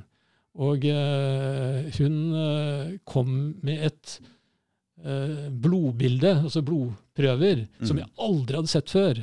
Ja. Og de hadde vært normale i hvert fall to måneder i forveien. Mm. Eh, så selv om man aldri kan være helt sikre når det gjelder enkeltpasienter, så var det i hvert fall uhyre spesielt. Jeg har aldri opplevd det. Eh, og det var en Og, vi vet, og det, det, gikk på blodplater som ikke var målbare. Det har jeg aldri vært borti, at jeg hadde pasienter med ikke målbare blodplater. Mm. Uh, Iallfall i en sånn sammenheng. Uh, og, at, og, det kunne være en bivirkning av disse ja, vaksinene, ble det sagt. Så mm, mm. akkurat det, det, har jeg jo meldt da. Men, uh, men, ellers vet jeg ikke, altså. Når det gjelder hjerneslag, så har jo også det vært rapportert som en mulig bivirkning av disse uh, vaksinene. Og det, det er mulig. men hjerneslag er en ganske vanlig sykdom. Mm. Og har, jeg, jeg, vet, jeg har telt opp hvor mange hjerneslagpasienter vi hadde i 2020. Det var, men det, det var et, jeg har ikke tallet i 2021. Uh, eh, nå ble jeg litt usikker. Jo, det har jeg. Mm. Jeg, jeg telte opp det. Og, og det, det, er det nest høyeste vi har hatt noen gang. Men det var høyere i 2018. Mm. Så det er ikke noe oppsiktsvekkende høyt, for Nei. å si det slik. Vet du hva jeg sier til folk som har tatt vaksinen? Ikke tenk noe på det. Det er ikke vits i når placeboeffekten er opptil 50% så skal ikke du Nei. gå og bekymre deg for Nei. når du har tatt en vaksine at det skal bli noen bivirkninger. Nei. Det er ikke noe vits å hause opp det der. Nei. Men, jeg, men, men klart, det, det, er mye som er kritikkverdig med eh, vaksinene.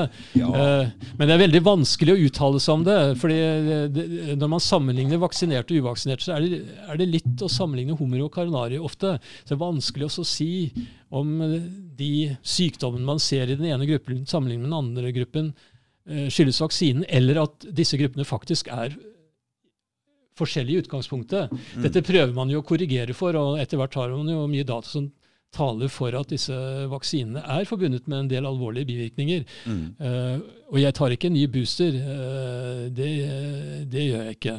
Nei. Jeg tok ingen, jeg, men jeg var jo heller ikke noe redd for den koronaen i det hele tatt. Og ikke jobba jeg på et sted som det var noe prat om. Ikke skulle jeg noen steder heller, så. Nei, nei. Så Nei.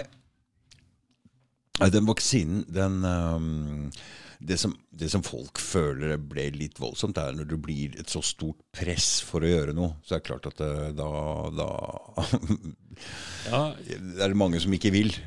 Ja, Og noen, en del av var- har jo vært redde fra forrige runde, var det den svineinfluensaen? Ja, 2009. Ja, mm. ja, Så mm, mange må ha rett til å ikke ville ta den fordi Ja. de er redd for det. Og jeg syns ikke det skulle vært eh, nei, nei, nei, dette må være frivillig. Det Dette helt- må være frivillig. Mm. Og hvis noen er så redd for koronaen, så får de isolere seg sjøl i, i sin eget hus. Jeg kan ikke si annet enn det. De må ikke, de må ikke Kreve av alle Ja, nei, andre at nei. vi skal isolere oss. Nei, det, det går kan- ikke. Sånn kan vi ikke. ha samfunnet. Nei, vi kan ikke ha det sånn. Så øh, Men øh, sånn ble det. Ja.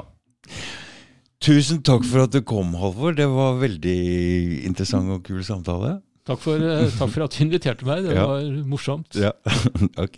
og interessant. Ja. Ok, ha det. Over to timer, det